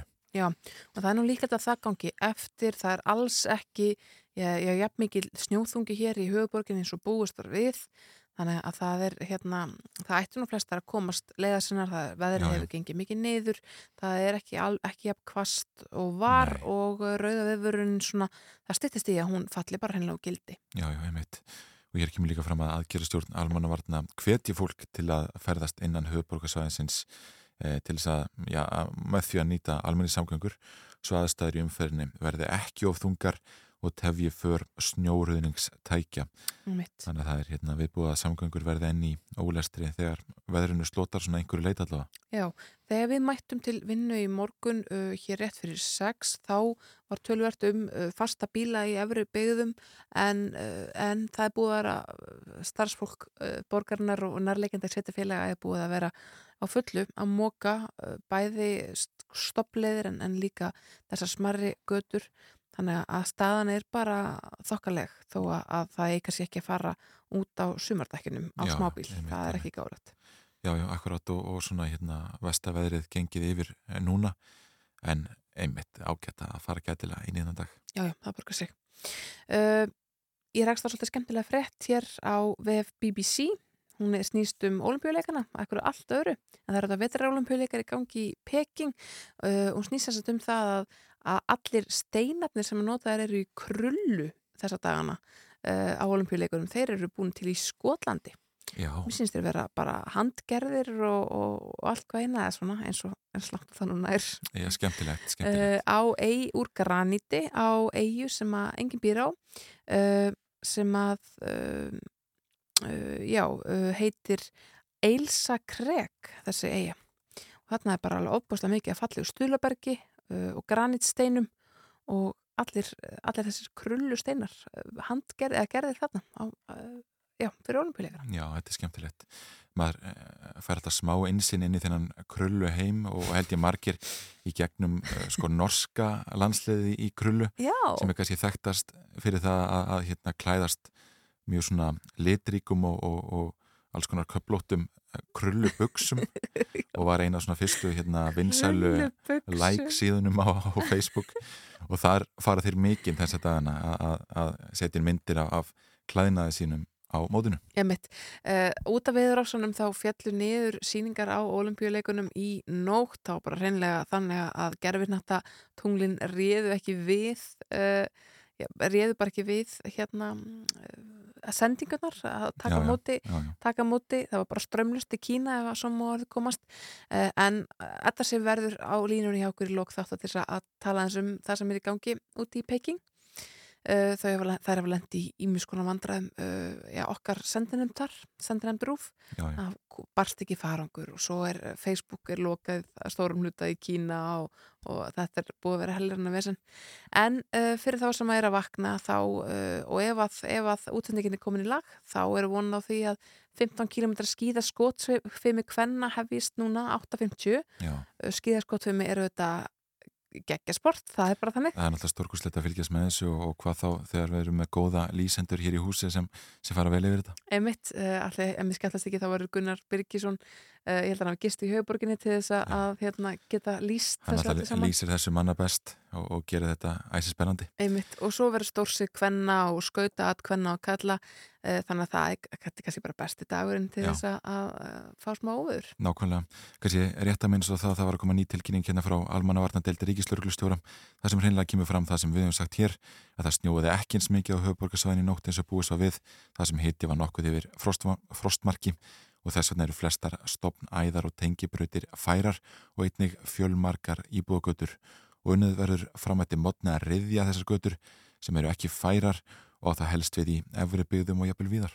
Einmitt, gaman að því. En þetta lagið flott með hljómsdunni flott, það er ansi flott.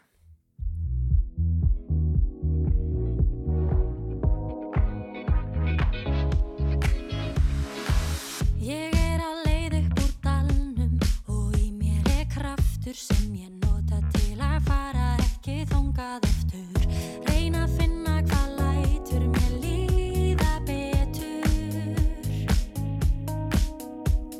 es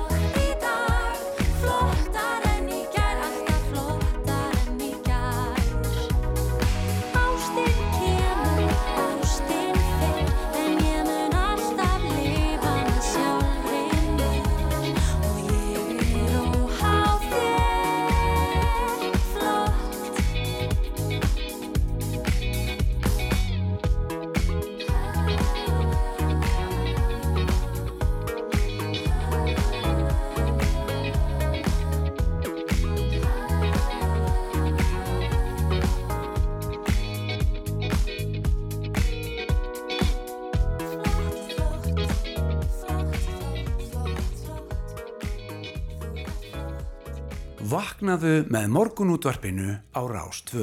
Jú, jú, við höldum áfram hér í morgun útvarpinu og hann er komin á línuna hjá okkur uh, Ingi Björn Öxtal Reynisson betur þessum Ninni, hann er bóndi í Auðsholti á Suðurlandi, góðan daginn Ninni Já, góðan daginn. Hvernig, Hvað segir mér, hvernig er veðrið hjá ykkur á Suðurlandinu? Það er bara, það er bara nokkuð gott hjá mér. Já, ekkert að því Nei, nei, þetta er bara farið nokkuð vel. Þú ert mjölkubóndi uh, í Auðsholti þetta er svona fyrir þá sem að, uh, svona eru forvitnir um, um staðrætti þá er þetta rétt hjá síðri langkolti þar sem að segjur yngi býr ráð þeirra uh, sleikja nánast túnin hjá ykkur um, sko, hvernig undirbygguðu ykkur fyrir þetta veður? Þurftu þið að, að hérna, slökkuði ljósin í fjósinu eða hvað hva gerir þið þegar að, að það hérna, spáur svona slökkur? Það er nú ekkert, þetta er nú ekkert svona dráti, sko. Það- Þetta er ekkert, það er bara, það er líka bara á jóttra. Það er í, rólega hittunum. Finn ekkert fyrir laðinni? Nei, ekkert. Það er alveg, þetta er, og bara að binda rauðslatunina, ég held að það verið svona. Og þið hefði ekkert lent í rafmaksleysi í nótt? Nei, það var svona eina sem ég hafði áhyggjur af, það væri hérna, það er einhver ramaströflunum, sko, en það var ekkert. Sko, ef við skellast ekki þá hérna eru þið með robotafjós, sko hvað gerist ef að, ef að rafmagnin fer af í slíkum uh, búskap? Já, það er svo sem bara að stoppa Já. og hérna, já, já, svona hvað það er, er, maður er bara hægt að þetta er- er bara ramast ekki Já, já.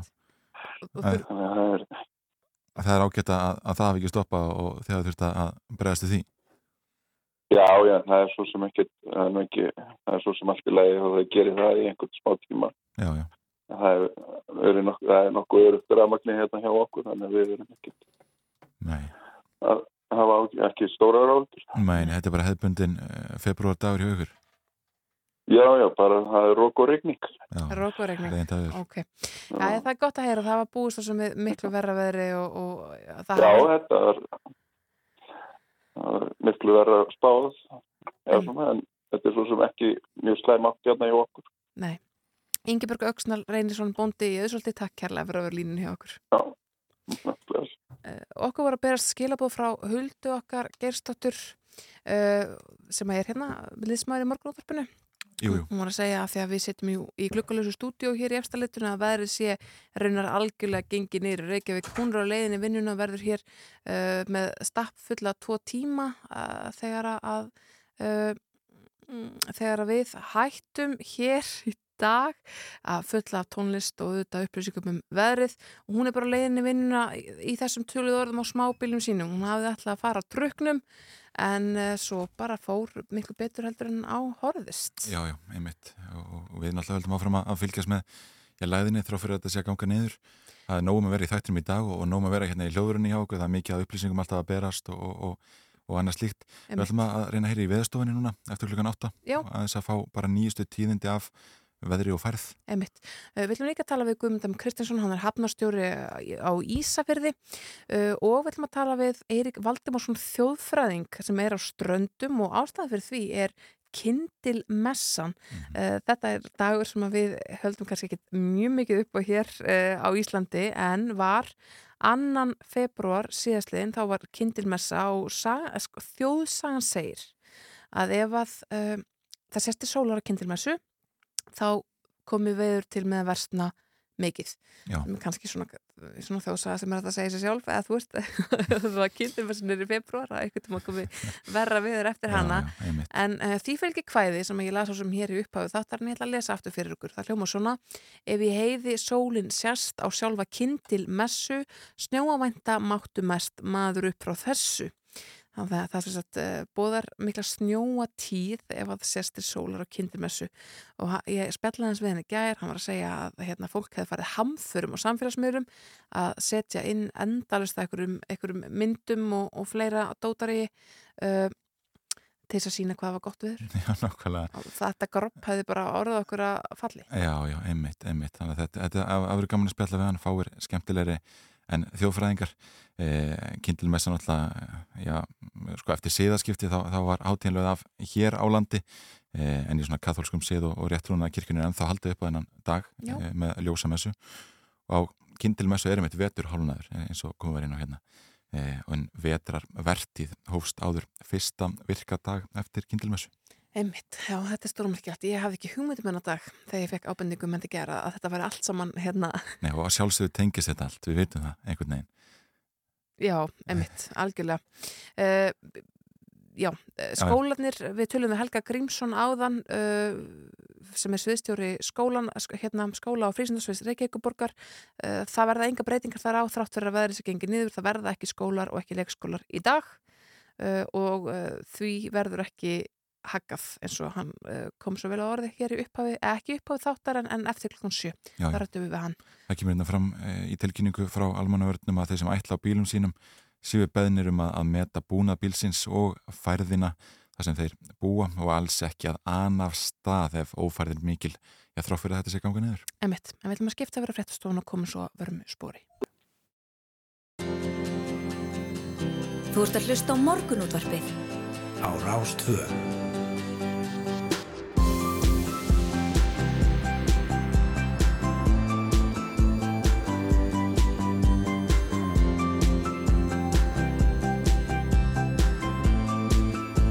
Rástvö. Morgunútvarpið á Rástvö. Morgunundarspið heldur hérna áfram. Það eru Yngvar Þór og Snærós Sindradóttir sem hafa verið með okkur hérna frá því klukkan 6 í morgun. Vöknum aðeins fyrr til að flytja frettir af þessu óveðri. Ég hún bara ekki sofi fyrir að láta um heima sko. Það er þannig já. Já, það var þannig. Ég sá svapar ágætlega þar til ég fekk eh, skilabóð frá þér um að við ættum að, að koma okkur að stað bara. Það var líka ágætt bara að, að hefja leika sem fyrst. Um, Við vorum að skoða vef, veðurstofunar og, og kortið þar. Og þar já, kemur fram í rauninni að, að þessi rauða veður viðvörun verður hreinlega fælt úr gildi eftir um það byl 20 mínútur. Og Þorsteinn Vaf Jónsson veðurfræðingur er komin á lína, góðan daginn Þorsteinn. Góðan dag. Að verður veðrið gengið algjörlega niður núna eftir 20 mínútur hér á Suðvesturhorninu? Við byrjum þar. Nei, en það er svona lagast heldur sko, rauðu viðvaraninn að detta út núna um hálf nýju uh, og uh, svo eru reyndar appelsínu gula viðvaraninn annars þar á landinu og þær eru að, detta út svona setni parti. Já, já. En það er rauninni dettur út rauð veður viðvörun á höfuborgarsvæðinu, Faxaflóa og, og, og hérna svona suð vestanveru landinu eh, klukkan hálf nýju og, og þá er rauninni engin veður viðvörun í gildi. Þess að hér á þessu svæði. Nei, ekki hér, en sko með kvöldinu þá eru, kemur þungt hérna jæljaloft inn og, og hérna þá eru settar gula veðurviðvarinni fyrir Suðvestanvöld landi sko og það er gilda alveg áfram á morgun. Já, og maður það búist um mikill úrkomi með þeim, snjókomi Já, og það verður svona ansi dimmjél og, og lítið skigni og það getur verið mjög erfið færð svona í, í, þegar þau ganga yfir sko. En við hverjum að fólk á Norðurlandi og Norðausturlandi og jafnvel Östfjörðum búast við varandi þessar appisningulu viðvarinni sem að gilda í dag? Já, það er bara uh, erfiðis veður og uh, hérna, hvað maður að segja, bara hörku vetraveður og engin færð. Mm Er þetta fyrst og fremst, uh, er þetta sko, það að úrkoma var minni eða að minnst eitthvað hlýrri hér á söðvestur hodninu, hefur það eitthvað forsporgildi fyrir úrkomuna eins og hún verður annars staðar á landinu eftir því sem að lengar líður á daginn? Nei, það sennilega næri ekki að hlýna jafn mikið hérna fyrir norðan sko, en, en hérna, það, það hérna, verður mest bara snjókoma og, snjó, og jæljagangur og skafreiningur. Já, já, einmitt. Mm. Það má kannski segja og það. Og það er svona hörkur hrí, stór hríð á vestfjörðun líka. Mm -hmm. Já. En þetta fer svona ganga niður eftir háti. Já, já, einmitt, einmitt. Það má kannski segja að sko veðurspáin hafi nokkur meginn gengið eftir en það var hlýrra og úrkomu meira kannski en gert var aðferir og, og þess vegna eru við að sigla út úr þessu fyrir en áallega var. Já, ég, það, það er hafa svona nokkur meginn gengið eftir veðurspanna. Það hlýnaði kannski aðeins fyrir hérna Suðvestalands en við byggumst við. Mm -hmm.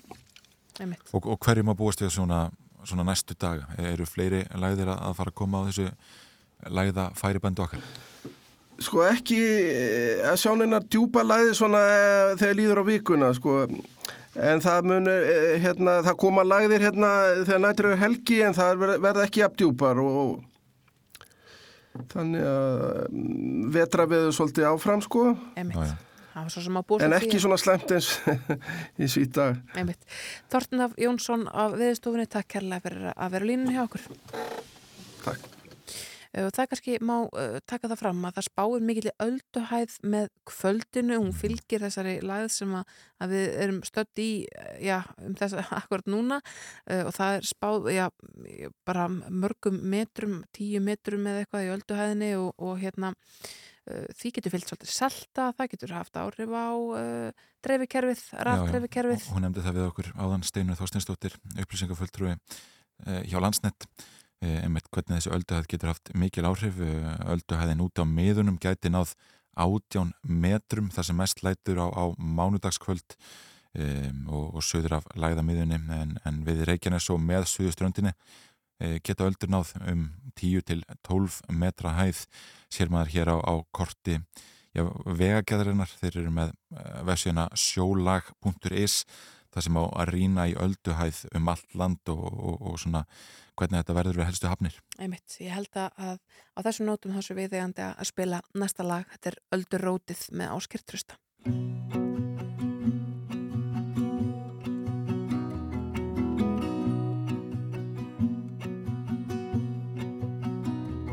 áskirtrusta um hólóta kríta götu. Þú gengur með staf þér í hönd. Og sér það er bátur að berjast við brimið næri strönd.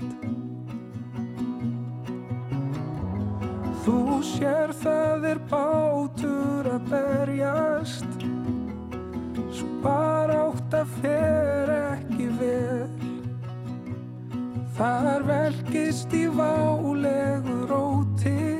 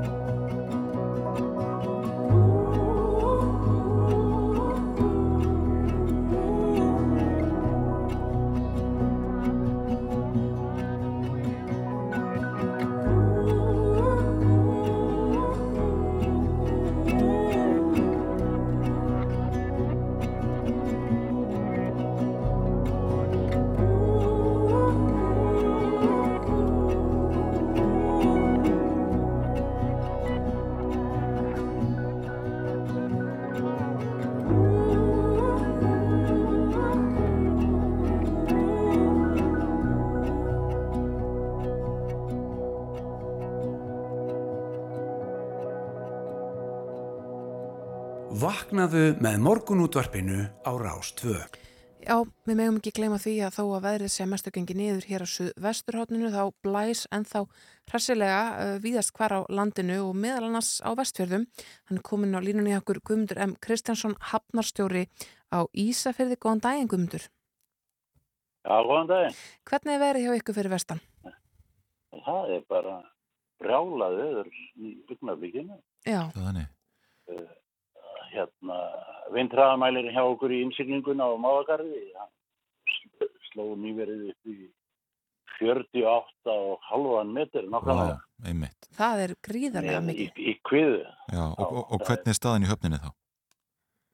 Er það bara fín, fín, það er, það er allt í fína lagi hér og ég er búin að taka stöðun á því Suðureyri og Flateyri og, og ég er nú ekki náði á Þingari en, en hérna það virðist vera bara allt í góðu lagi hjá okkur. Já, allt bundi niður og engir bátar skemmtir.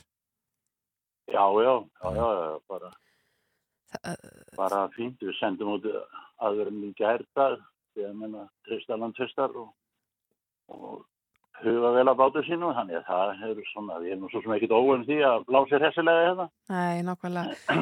en, en þetta er mjög slæmt og að vera núna í sittnipartinni í nótt og núna í morgansárið. Er blinda bylur? Er mikið snjókoma með þessu? Já, það er, það, það sér all út úr augum minna, sko. Mm. Einmitt. Sé ekki hérna á skrifstofum minni, ég sé, sé rétt glitti ljós hérna hinum einu póllinu sko. Já, já. Hvernig gekk að komast til vinnu þá í morgun? Það bara, það það var alltaf reyði. Götur, alltaf aðal göturnar eru, eru færar sko. Já, einmitt. Nei, það, er- það er ekki að festa mikið snjó hérna í, í þessu veðri. Nei, en það er nú mikið, mikið af lokunum á vegum þarna í kringum ykkur þið er nú ekki að fara, fara við það í dag. Nei, það, nei, nei, það, þetta er svona einn að einn dögum, við erum svo sem ekki óvæm í að komast ekki ferða á okkar sem við viljum.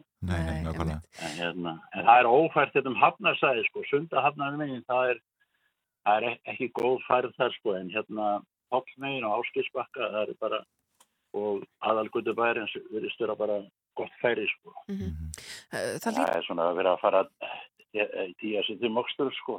já, Já, Eh, það, það, sko, það er vantalega engin bátur úti. Það er einn Július Girmarsson, einn heimabáttur sem að bara heldur til henni í djúbunu og lætur þetta gangi yfir vantilega. Það átti að vera löndun hér í morgun og henni er frestað. Páll Pálsson kom í land um helgina og að landur hún átta í morgun. Henni er frestað vegna viðurs og svo er skóarfoss vantalegur hérna klukkan 12 Mhm. vona strandferðar strandferðar siglingun. já, já.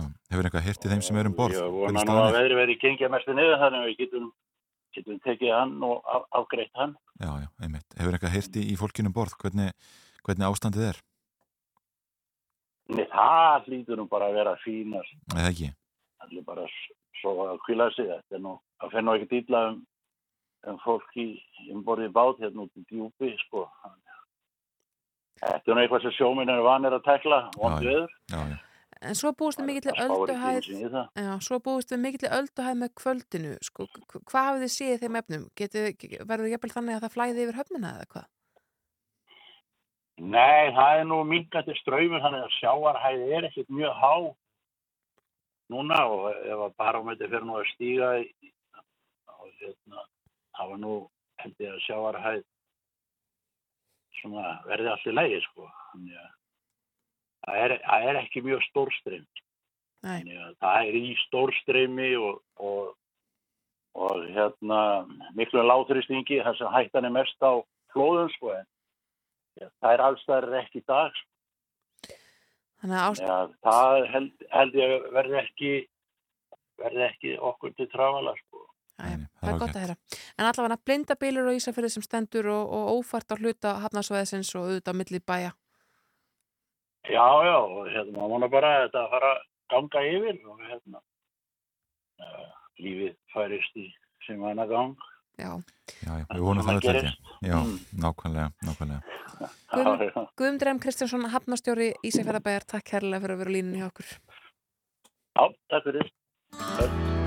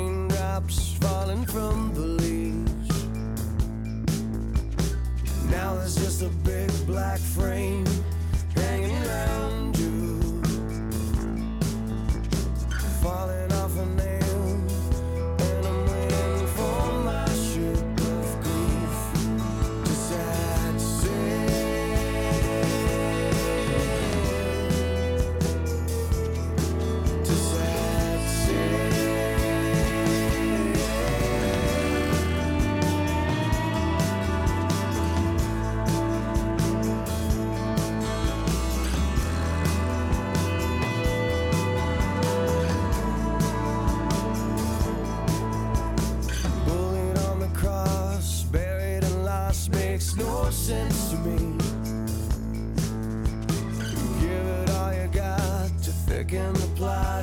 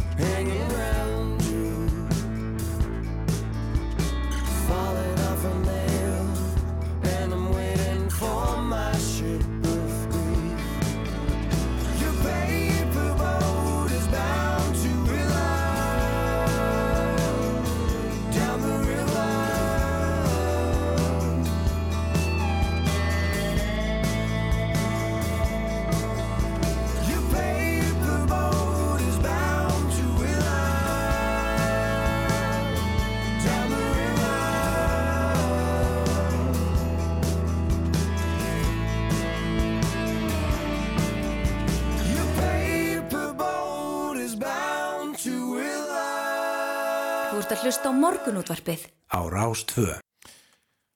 Morgunundarbyggð heldur áfram og við höldum áfram að fylgjast með óveðrunum en óvissusteg vegna snjóflöða hætta á norðanverðum vestfjörum er í gildi og á mið Norðurlandi e, tók gildi á miðnætti og minna í Siguradóttir í ofanflóðavörnum á vestfjörum er komin á línuna. Góðan daginn.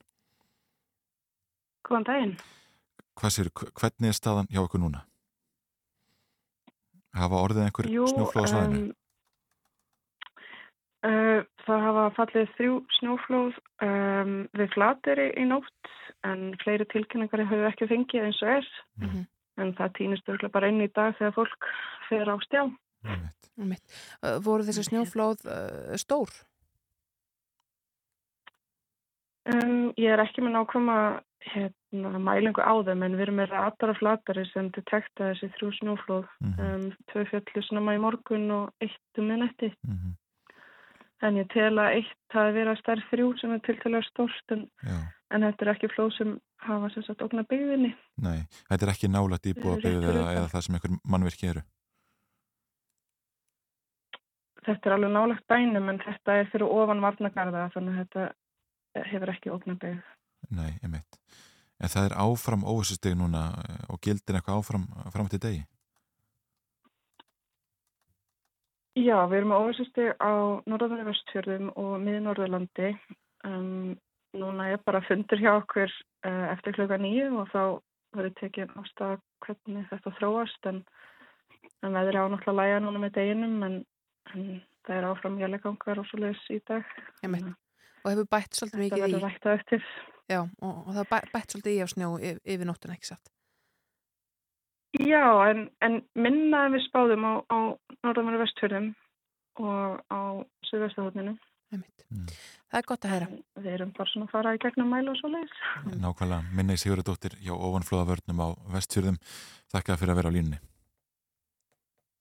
Takk fyrir. Já, við fyrir að skipta yfir á frettastofu, þau eru með frettægvildi sitt klukkan halv nýju og svo ætlum við aðeins að spá í já, hvað þjóttrún segir okkur um þetta veður. Já, nákvæmlega, það er mjög áhugavert að svona aðeins að velta vöngum yfir því hva, hvers vegna við erum að fá þetta veður núna. Algjörlega. Já, skulum, það er ekki bara, við þurfum ekki bara að leita í vísindin, við skulum leita í, í þjóttrúna líka. Já, já, það skildi það aldrei vera.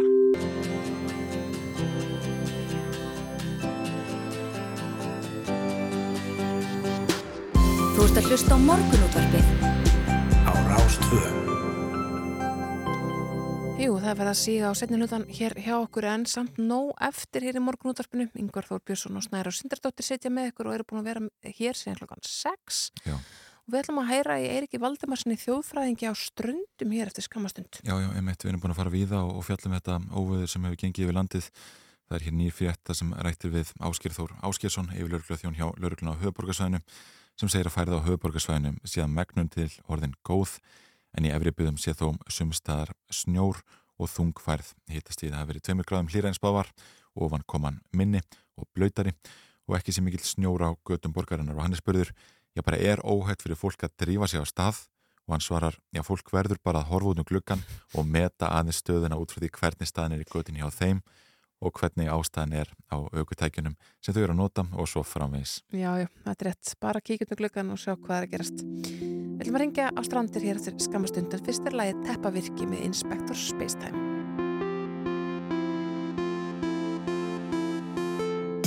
Náðu í teppi og náðu svo í kotta Náðu svo í bánsa til að hjálpa þér að sopna Og ef þú sullar sjáðu til þess að þotna En það er samt allt í lagi Teppa virkinu okkar.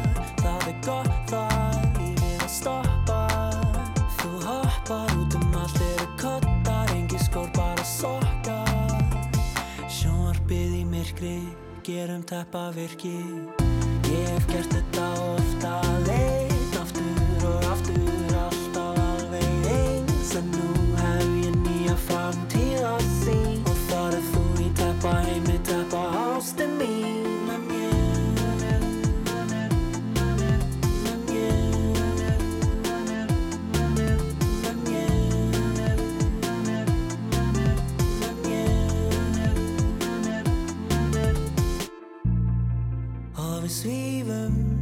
upp í teppa heiminin Og við hlæjum því að þú er svo fyndin Kottarnir og lakið, gólfið og þakið Dýna fyrir bakið, ég vild að við gætum búið hér Þú og ég, vonum að það virki, gerum teppa virki Ég hef gert þetta ofta leit aftur og aftur alltaf alveg eins en nú hef ég nýja framtíð að sín og er þú í teppa heimi teppa ástin mín með mér með mér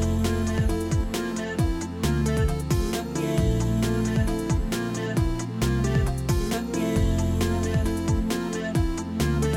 til að virkið standi þarftu sterkan grunn Ég þekki sterkasta grunn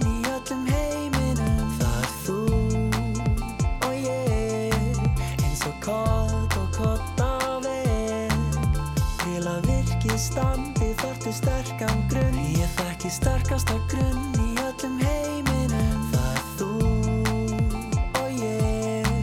Eins og kott og kottaveg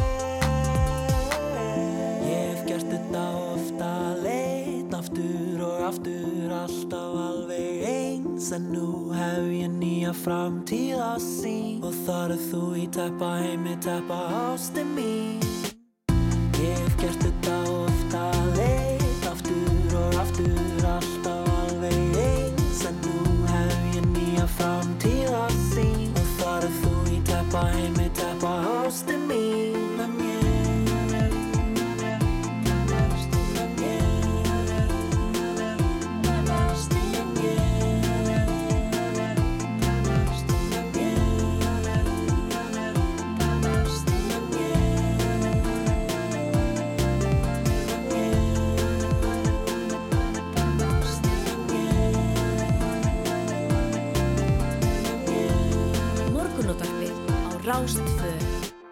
Alla virka daga frá 6.50 til 9.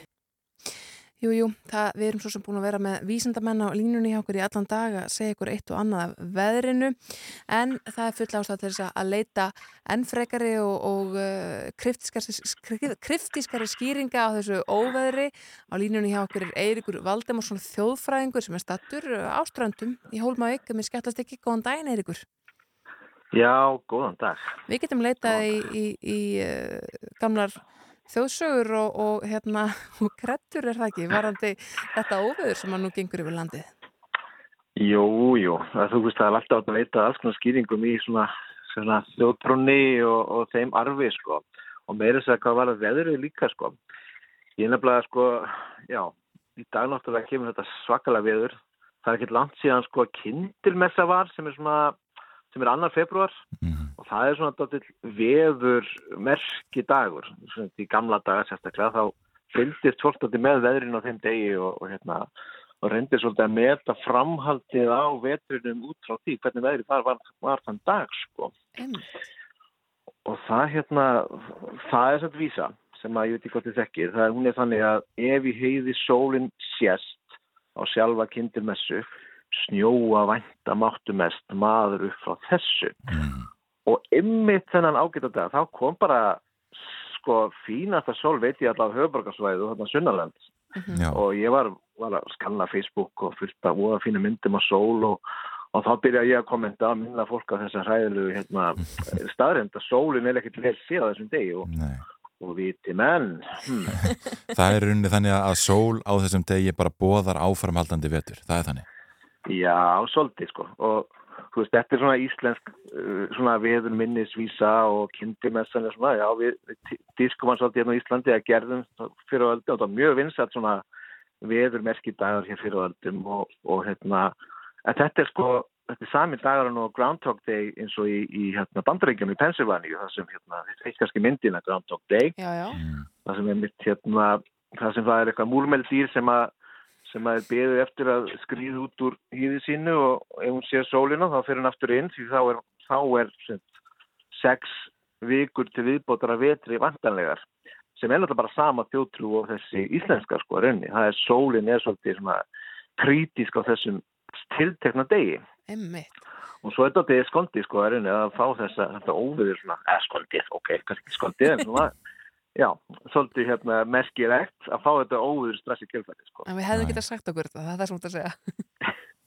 Já, ég er nefnilega held út svona, svo veist, eh, ég er nefnilega er þjóðfræðingur eins og þið myndu hérna ágætlega á aðan sko og, og í mastersverkefninu mínu þá var ég myndið að skoða gamla íslenska veðusspá og hvernig fólk gáði til veðus fyrir öldum, svo veist, áður en veðustofan tók við og, og við fengum þessa fínu, hérna, appelsinu gullu og rauðu viðvarinir og allt það sko. Að hérna, ég tók þetta alltaf saman og það er bara mjög merkilegur sem, mjög merkilegur bara arfleif kynnslóðan og það var undan sko, þessi, þessi þekking sko. Ég er með svona síðu sem heitir aðfyrir að viðast bara á Facebook sem að það sem ég kemur svona písla á og til og er að, að, hérna, að hvetja fólk til þess að bara gá til veðast og pæla því þessu svona til gamast náttúrulega, skiljið, við, við treystum okkar, hérna, við erum vísinda fólk alveg alla leið sko en, en það er gaman einmitt að, að bara að pæla því þessum gamlu dögum sem voru voru hérna hafður að bak við eirað hér áður fyrr varðandi sem framtíðin á veðri framöndan. Sko. Já, já, einmitt, einmitt. Sko, og, og hvernig virkuð þessar aðferðir eh, hér áður fyrr við að spá til um veðri, gekk þetta ótt eftir? Þetta er bara gekk, sko, rosa misjaflega augljóslega. Það er náttúrulega, það er nefnilega alveg ennþann dag í dag og, og tala um það, sko, að það er að fylgjast með skíafæri og, og, og vindáttum eins, eins og í dag er náttúrulega þessi þessi sko vindátt hér sem að skellur á, á landinu. Ég heyrði strax og sá strax á Facebooku gerð þetta verður nú ekki svo slemt hér á ströndum sko. Og, og þá eru ykkur búin að átta sig á tíu að þetta, þessi vindátt er ekki eins slæm hér eins og kannski hinum með fjallið sko. Og þetta er oft þannig, þetta bara meikar alveg algjörlega sens, þetta tekur með á bara á hérna landslægi og hvernig, hvernig hérna já, hvernig vindátti geta hægða sér misjaflega en sikkur með við fjallið kannski. Og- en þetta er ekkit svaklega við hérna í dag sko. Nei, einmitt, bara vennilegt rók.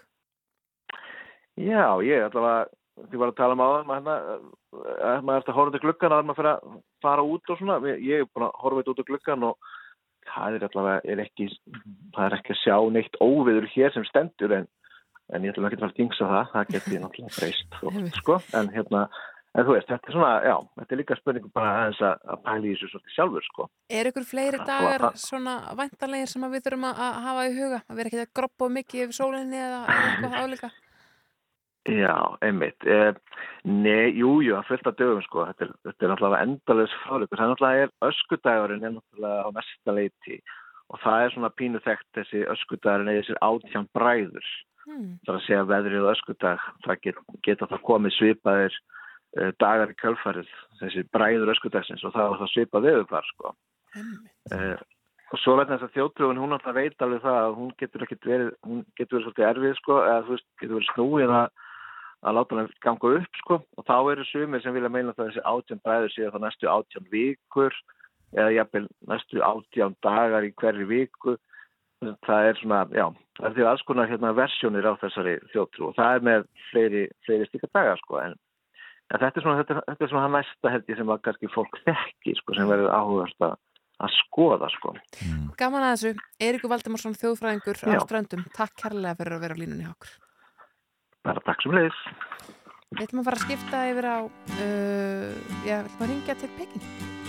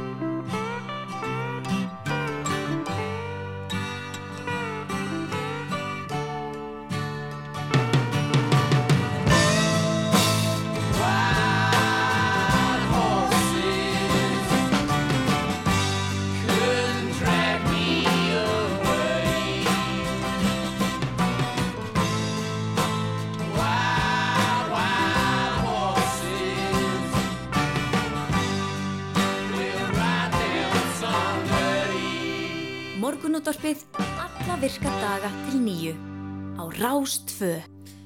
Já, það fer að síga á setni hlutan hérna í morgunúttarpinu á Rástvöm, Yngvar Þór og Snær og Sindradóttir verið með okkur hérna frá því klukkan 6 í morgun við hefum fylst vel með fréttum af já, færð og, og, og þessu óveðri sem gengið hefur yfir landið í nótt og í morgun. Það er kannski rétt að nefna það að já, landsnett var að byrta nýja fæslu á Facebook síðu sinni og þar kemur fram að eini staður en það sem er rámaslust í augnablikinu er höfn og nærsveitir Það er verið að vinna því að koma rammagni á aftur, það er verið að gera varaafl í Bólungavík, það er verið að byrja viðgerð á Nóðuraholts línu, það er línan sem allir rammarsleysuna á höfuborgarsvæðinni nótt og þá er verið að skoða kvólsvallalínu og bylunaleit á hrútartungu línu er hafinn. En við ætlum að snú okkur að já, allt öðru og færa okkur að þetta verið íþrótunar. Já, hún er komin á línunni hjá okkur Edda Sef Pálsdóttir sem stöttir í Peking á vetrarólimpíuleikunum. Það eru ímislegt gengið á. Góðan daginn, Edda. Góðan daginn. Segð okkur, hvað... Uh, já, klukkan er fyrir hjá mér hvernig fattin, hana... já, einmitt. Þið eru átt á tímum og undan okkur, sko, hvernig hefur gengið að snúa sólregnum við? Um, svona ágætlega bara. Við einhvern veginn bara ákvaðum að taka það á, á nefanum. Við ferðum þannig einhverja tvo sólregnga eitthvað svo leiðis og svo bara heldum við okkur vakandi allan daginn eftir það, komum hingað á mótni og, og hérna, vöktum þann dag og maður svona aðeins nokkur sólarringadandi stektur, þú veist eitthvað vakna á nóttunni og skilja eitthvað hvað maður var og hvað klukka væri og eitthvað svona, en það er alveg, það er alveg komið. Já, ok. Þið lendu í einhverjum hremmingum í upphafi og svo Facebook loka, þetta búið að vera svona, já, alls konar vandræði, eða ekki? Já, þegar ég var að hugsa, ég var að koma inn í svona fjölmjöla aðstöðu núna eftir mikið ferðalega í dag og nú er ég búin að vera einn í svona að verða viku, eða það er að verða vikar hérna í laga stað og mér líður eins og ég sé í svona amazing race, þú veist, það er bara verðið tíma samfandi, kemst í rútuna, kemst í lestina, þú veist, ég er svona daldið að missa af, sko, þú veist, ég held ég væri bara veginn á olimpíuleika og það myndi vera aðalmáli, skilur, ég myndi bara komast inn inn í alla greinar, fylgjast eitthvað með og eitthvað svona, en sko, ég veit ekkert hvað er í gangi eiginlega, nema bara hjá Íslandíkunum og svo er ég bara að hlaupa í næstu rútu og horfa á eftir rútum sem ég er að missa oh. og þú veist, ég, í dag þurfti ég að fara í tíu rútur, tvær lestar og fimm kláfa bara til að fara, taka við talið hólfrið, komast alltaf tilbaka. Hæ? Fimm kláfa? Já. Wow. Já, já. Þetta er, svona, þetta er eiginlega hálfa astnalegt og ég hugsa alltaf bara, guð, hvað fólk nefnir ekki vera að hlusta á mig, eitthvað væla yfir einhverjum svona aðstæðum, en þú veist, þetta er sko absúrt, þetta er bara, ég hef ekki lett í neinu, bara í líkingu við þetta og ég fór að háum í Rúslandi þar sem honum líka vegalendir og svo leiðis, en það var bara, það gekk nú bara svona freka smúð, þetta Já. er eitthvað annars. Sko. Hvernig er aðstæðanar fyrir íslensku keppinuna? Er, eru þeir að lenda í, í svipuðum ævintýrum, getur við sagt? Nei, sem betur fer. Þau skiptast á þessi tvö uh, þorp, annars vegar það sem að gungurskeiða fólkið er og svo það sem að alpagreina fólkið er og þar eru þau bara inn í sínu litla ólimpíu þorpi og eru bara í sinni dagskrá og þú veist, þau þurfa ekki að fara á milli og, og bara sem betur fer. Ég er einmitt búin að spyrja þau bara hvernig farið um þau og, og svoleiðis og þau eru bara einhvern veginn í, í sínum gýr. Mm -hmm, mm -hmm. Og hvernig hefur gengið? Hvernig gekk Íslendingur um helgiðan til dæmis? Sko Snorri Einarsson kæfti fyrstur í gæs í 30 km skiptigöngu og hann er svona útrúlega skemmtileg týpa eins og þau öll og það er líka gaman að kynnast þeim að þetta er svona íþróttafólkið okkar sem fáum ekkert að sjá neitt keppar og svo oft eða þú veist, ég tek ekki oft viðtöl við þau að hitti þau og þau búa sko fjögur að fimm búa í útlandum þannig að þetta er svona dandið öðruvísi en maður er, er vanur. Og hann er rosa hóvær og svona ég var búin að spurja hann um væntingar og svona fyrir hérna gönguna í gær og hann sem vissi ekki alveg hvað hann stæði og eitthvað svona og svo bara mætti okkar maður og var bara geggjaður sko. Hann byrjaði hann að 2004 af 70 keppendum, vann sig upp í sko bara rúmlega 20. sæti á tímabili mm. og endaði svo í 29. sæti sem er sko hans besti árangur og líka besti árangur sem íslenskur gönguskemaður hefur náð á olimpíuleikum. Þannig það var alveg geggjað og gaf okkur svona mikið, mikið búst sko. Sko er það þannig að því að ég hjó eftir þessi ger sko 2009. sæti það hljómar ekki eins og eitthvað stórkustlur árangur en, en í þessari grein þá er það bara hans gott eða hvað? Já það er bara frábært Já. og þú veist líka því maður vissi ekki einhvern veginn ákveður maður átti von síðast hann kæfti í þessari grein á olimpíuleikum fyrir fjórum árum þá hafnaði 53. sæti og það var samt eiginlega ekki alveg hægt að taka mark á því að því þá lendi hann í vesenni með annan stafinn sinn, það slítnaði ól og hann byggt vittlis hann staf og var eitthvað svona bras en svo bara hefur hann verið á uppleið líka á sínum ferli og, hérna, og þetta var bara alveg geggja sko. Já, já. Og en síðan ég var, skil ykkur mjög vel, maður veit ekki alveg hvernig maður á að staðsetja þetta sko. nei, nei, einmitt. En síðan var Hólmfríður að, keppa rauninni já, í nótt að íslensku tíma. Já, Hólfríð Dóra, hún er að keppa þinn fyrstu olimpíuleikum og við vorum að ferðast hana til Yangqing þar sem þau eru og vildi nú ekki betur en svo að þegar við vorum loksins komnar hérna þá heyrðum við það að hún hefði dottið og væri úr leik og væri bara farin inn, inn til læknisins og örnmóls. Það var svona ákveðin skellur. En hérna hún sem betur fer sko heil, hún sem sagt bara fer af stað í fyrir ferðina og keirir út úr brautinni mjög snemma, það er bara slæma byltu. Og það höfðu gert það nokkrar þannig að fyrr í dag meðal annars ólimpíumestarinn Mikaela Sifrin sem allir byggust við að myndi koma hérna og verja gull. Hún bara aðeins áður en að Hólfríður kom þá bara gerði hún nákvæmlega það sama þannig að hann er svo ekki slæmur félagskapur að vera í. En ég, ég sár vorskendinni samt sko að vera einhvern veginn komin þarna, búin að fara í gegnum öll COVID-prófin, þú veist, það er alltaf þessi hætta og getur einhvern veginn dottið út bara hverjum einasta degi, maður veit aldrei hverju næstur. Þú veist, við erum nú þegar með eitt keppanda í, í einangrun og hann býr í sama þorpu og hún, en hún er komin þarna einhvern veginn á sína fyrsta olimpíuleika, fer af stað og hún bara rosalega vel stemd einhvern veginn og vel undirbúin og, og svo bara getur þetta gert, hún bara einhvern veginn svona missir svona þungan einhvern veginn, vi- hún var reyna útskýrða fyrir mér á hann og þungin fer svona einhvern veginn vittlust á annars skýðið og þá bara er þetta farið, þú veist, þú bara missir svona dampin. Er hún þá úr leik Þannig að þetta fyrir, er að svegið á morgun líka eða, eða kemur hún aftur þá? Nei, hún ásins að tvær greinar eftir, risasvíð og svíð, hún er bara úr leik í þessari grein í dag, þú veist, okay. fyrstu greinin er sinni afstremur. Ok. Komst ekki í setni ferðina sem eftir 30 svo sagt fóru, fóru í. einmitt. Hvað tekur við núna í dag og, og næstu dag? Nú bara rúlar þetta, við erum alltaf meðalveg fimm keppendur hérna, vonum bara að Sturla Snæð sem er í einangrunni ná að jafna sig í þessari viku af því að þetta aldrei í að hann er að keppa. En núna bara strax í nótt þá eigum við tvo keppendur í, í sprettgöngunni, Kristrúnu og, og Ísak Stíjansson sem við hefum ekki séð keppa ennþá á leikunum, þannig að þau eru bara næst. Einmitt. Það er mjög spennandi. sko. Já, það er þetta að sjá þetta allt inn á Íþróttavef Rúf ef, ef fólk ítir á framundan og það er þetta kyrfilega mert hvenar íslensku keppinir eru að, taka þátt. Já, er, og þú veist, það er eiginlega bara alla næstu viku er, er einhver að keppa, þú veist, það er einhverju örfáðu dagar þannig að það er engin, minni með tíunda en það voru svo margar aðra greinar sko hérna í gangi þessi dagskrá, ég var einmitt að setja eitthvað svona upp á þann, þú veist, það eru 11 beinar útsendingar bara sko í nótt og fram á morgun, þannig að það er nóg að kjöri í þessu. Magna. Þetta sé pásóttir frá Peking. Takk aðeinslega fyrir að vera á línunni. Takk fyrir mig. Eh, Það var að koma inn eh, tilkynning hér frá Reykjavíkuborg á Twitter að íbúar í Árbæ, Breiðholti, Vesturbæ og Miðbæ eru bennir um að hugað aðgengi fyrir sorphyrðu dag. Það þarf að móka snjó frá sorptunum og göngulegum og hálkuverja svo sorphyrða geti farið fram. Þannig að það er bara út með sandpokan eða saltið og, og móka frá. Nákvæmlega, nákvæmlega. Nú við höfum verið hérna á vaktinni síðustu þrjá klukkutíma snærús að að fylgjast með þessu óveðri. Það gekk nú neyður tiltölulega rætt hér á söðvesturhorninu og, og ég kannski ég fór betur en búist á við. Það var svona meiri, meiri hlýja og, og meiri uh, úrkoma, kannski frekarni snúkoma sem, sem skiptir miklu máli. Já, það má nú vel að segja að við séum bara eina fáum hefnin sem að fengum að upplifa þetta veður svolítið. að Þegar við kerðum á meðan að. Já, við kerðum hingað þegar að veðri var svona að ná hápunktu sínum. Það var ansi kvast á bústæðveginum.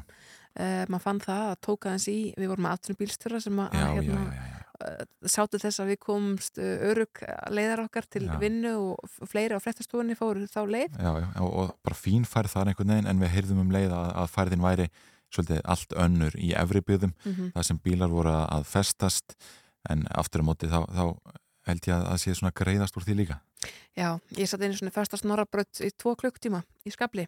Svo kom bara ljósa ég hef með bílinn í handbremsu. Þannig já, það er ágætt að við lendum ekki í því í morgun Nei, ég fegin að það var ekki ég sem var að keira, keira til vinnu í morgun. Já, þá já, hefðum við ekki byrjað hér klukka 6, getur sagt þér. Það er hérna, við erum alltaf búin að fara nokkuð viða í þættinum í dag, við heyrðum í, í Björgunarsveitinni sem eh, hefur sýnt, eh, já, það við rettum við þau um 120 verkefnum í þessum Við höfum líka heyrt í, í já, upplýsingaflutur frá landsnett Mhm. um þessar rammastrublanir sem eru víða og, og eh, já, við vorum nú að lesa upp stöðuna núna rétt á hann, það er nú flest já, rammarnir komið á í, í flestum landslutum, það er helst í höfn núna það sem, já, það er ennþá verið að, að vinna því að koma rammarnir aftur á Einmitt. Svo var það Guðlúr Rakel Guðjónsdóttir forstjóri landsbytlarna sem var á línunni hjá okkur eh, sem og Víði Reynisson hjá Almannavörnum. Við rættum líka við eh, bændur á Suðurlandi, við töluðum við Hafnastjóra Ísafjörðabæjar og svo töluðum við þjóðfræðing á ströndum varandi, já, við hefum getað að segja þetta fyrir þetta veður. Nákvæmlega, nákvæmlega Og að gerðum það svo sem. Já, já, akkurat, við höldum áfram að fjallum um þetta já, óveður í öllum okkar miðlum hér á Rúf það er nú ennþá þannig að það er ekkert ferðaveður eiginlega sko víða á landinu og vegir ennþá víða lokaðir við ringdu nú til Ísafjörðaði mitt hérna áðan og, og þar var bara sneldu villust veður Emitt, það er rétt. En hún Hulda Gerstóttir okkar ástkjara verður hér með ykkur næstu tvo tímana svo að minnstakosti því að, að Þorður Helgi var stóð vaktina í alla nótt. Við þakkum fyrir okkur í dag, Snæra og Sindardóttir og Yngar Þór Björnsson og verðum með ykkur aftur á morgun. Takk fyrir okkur.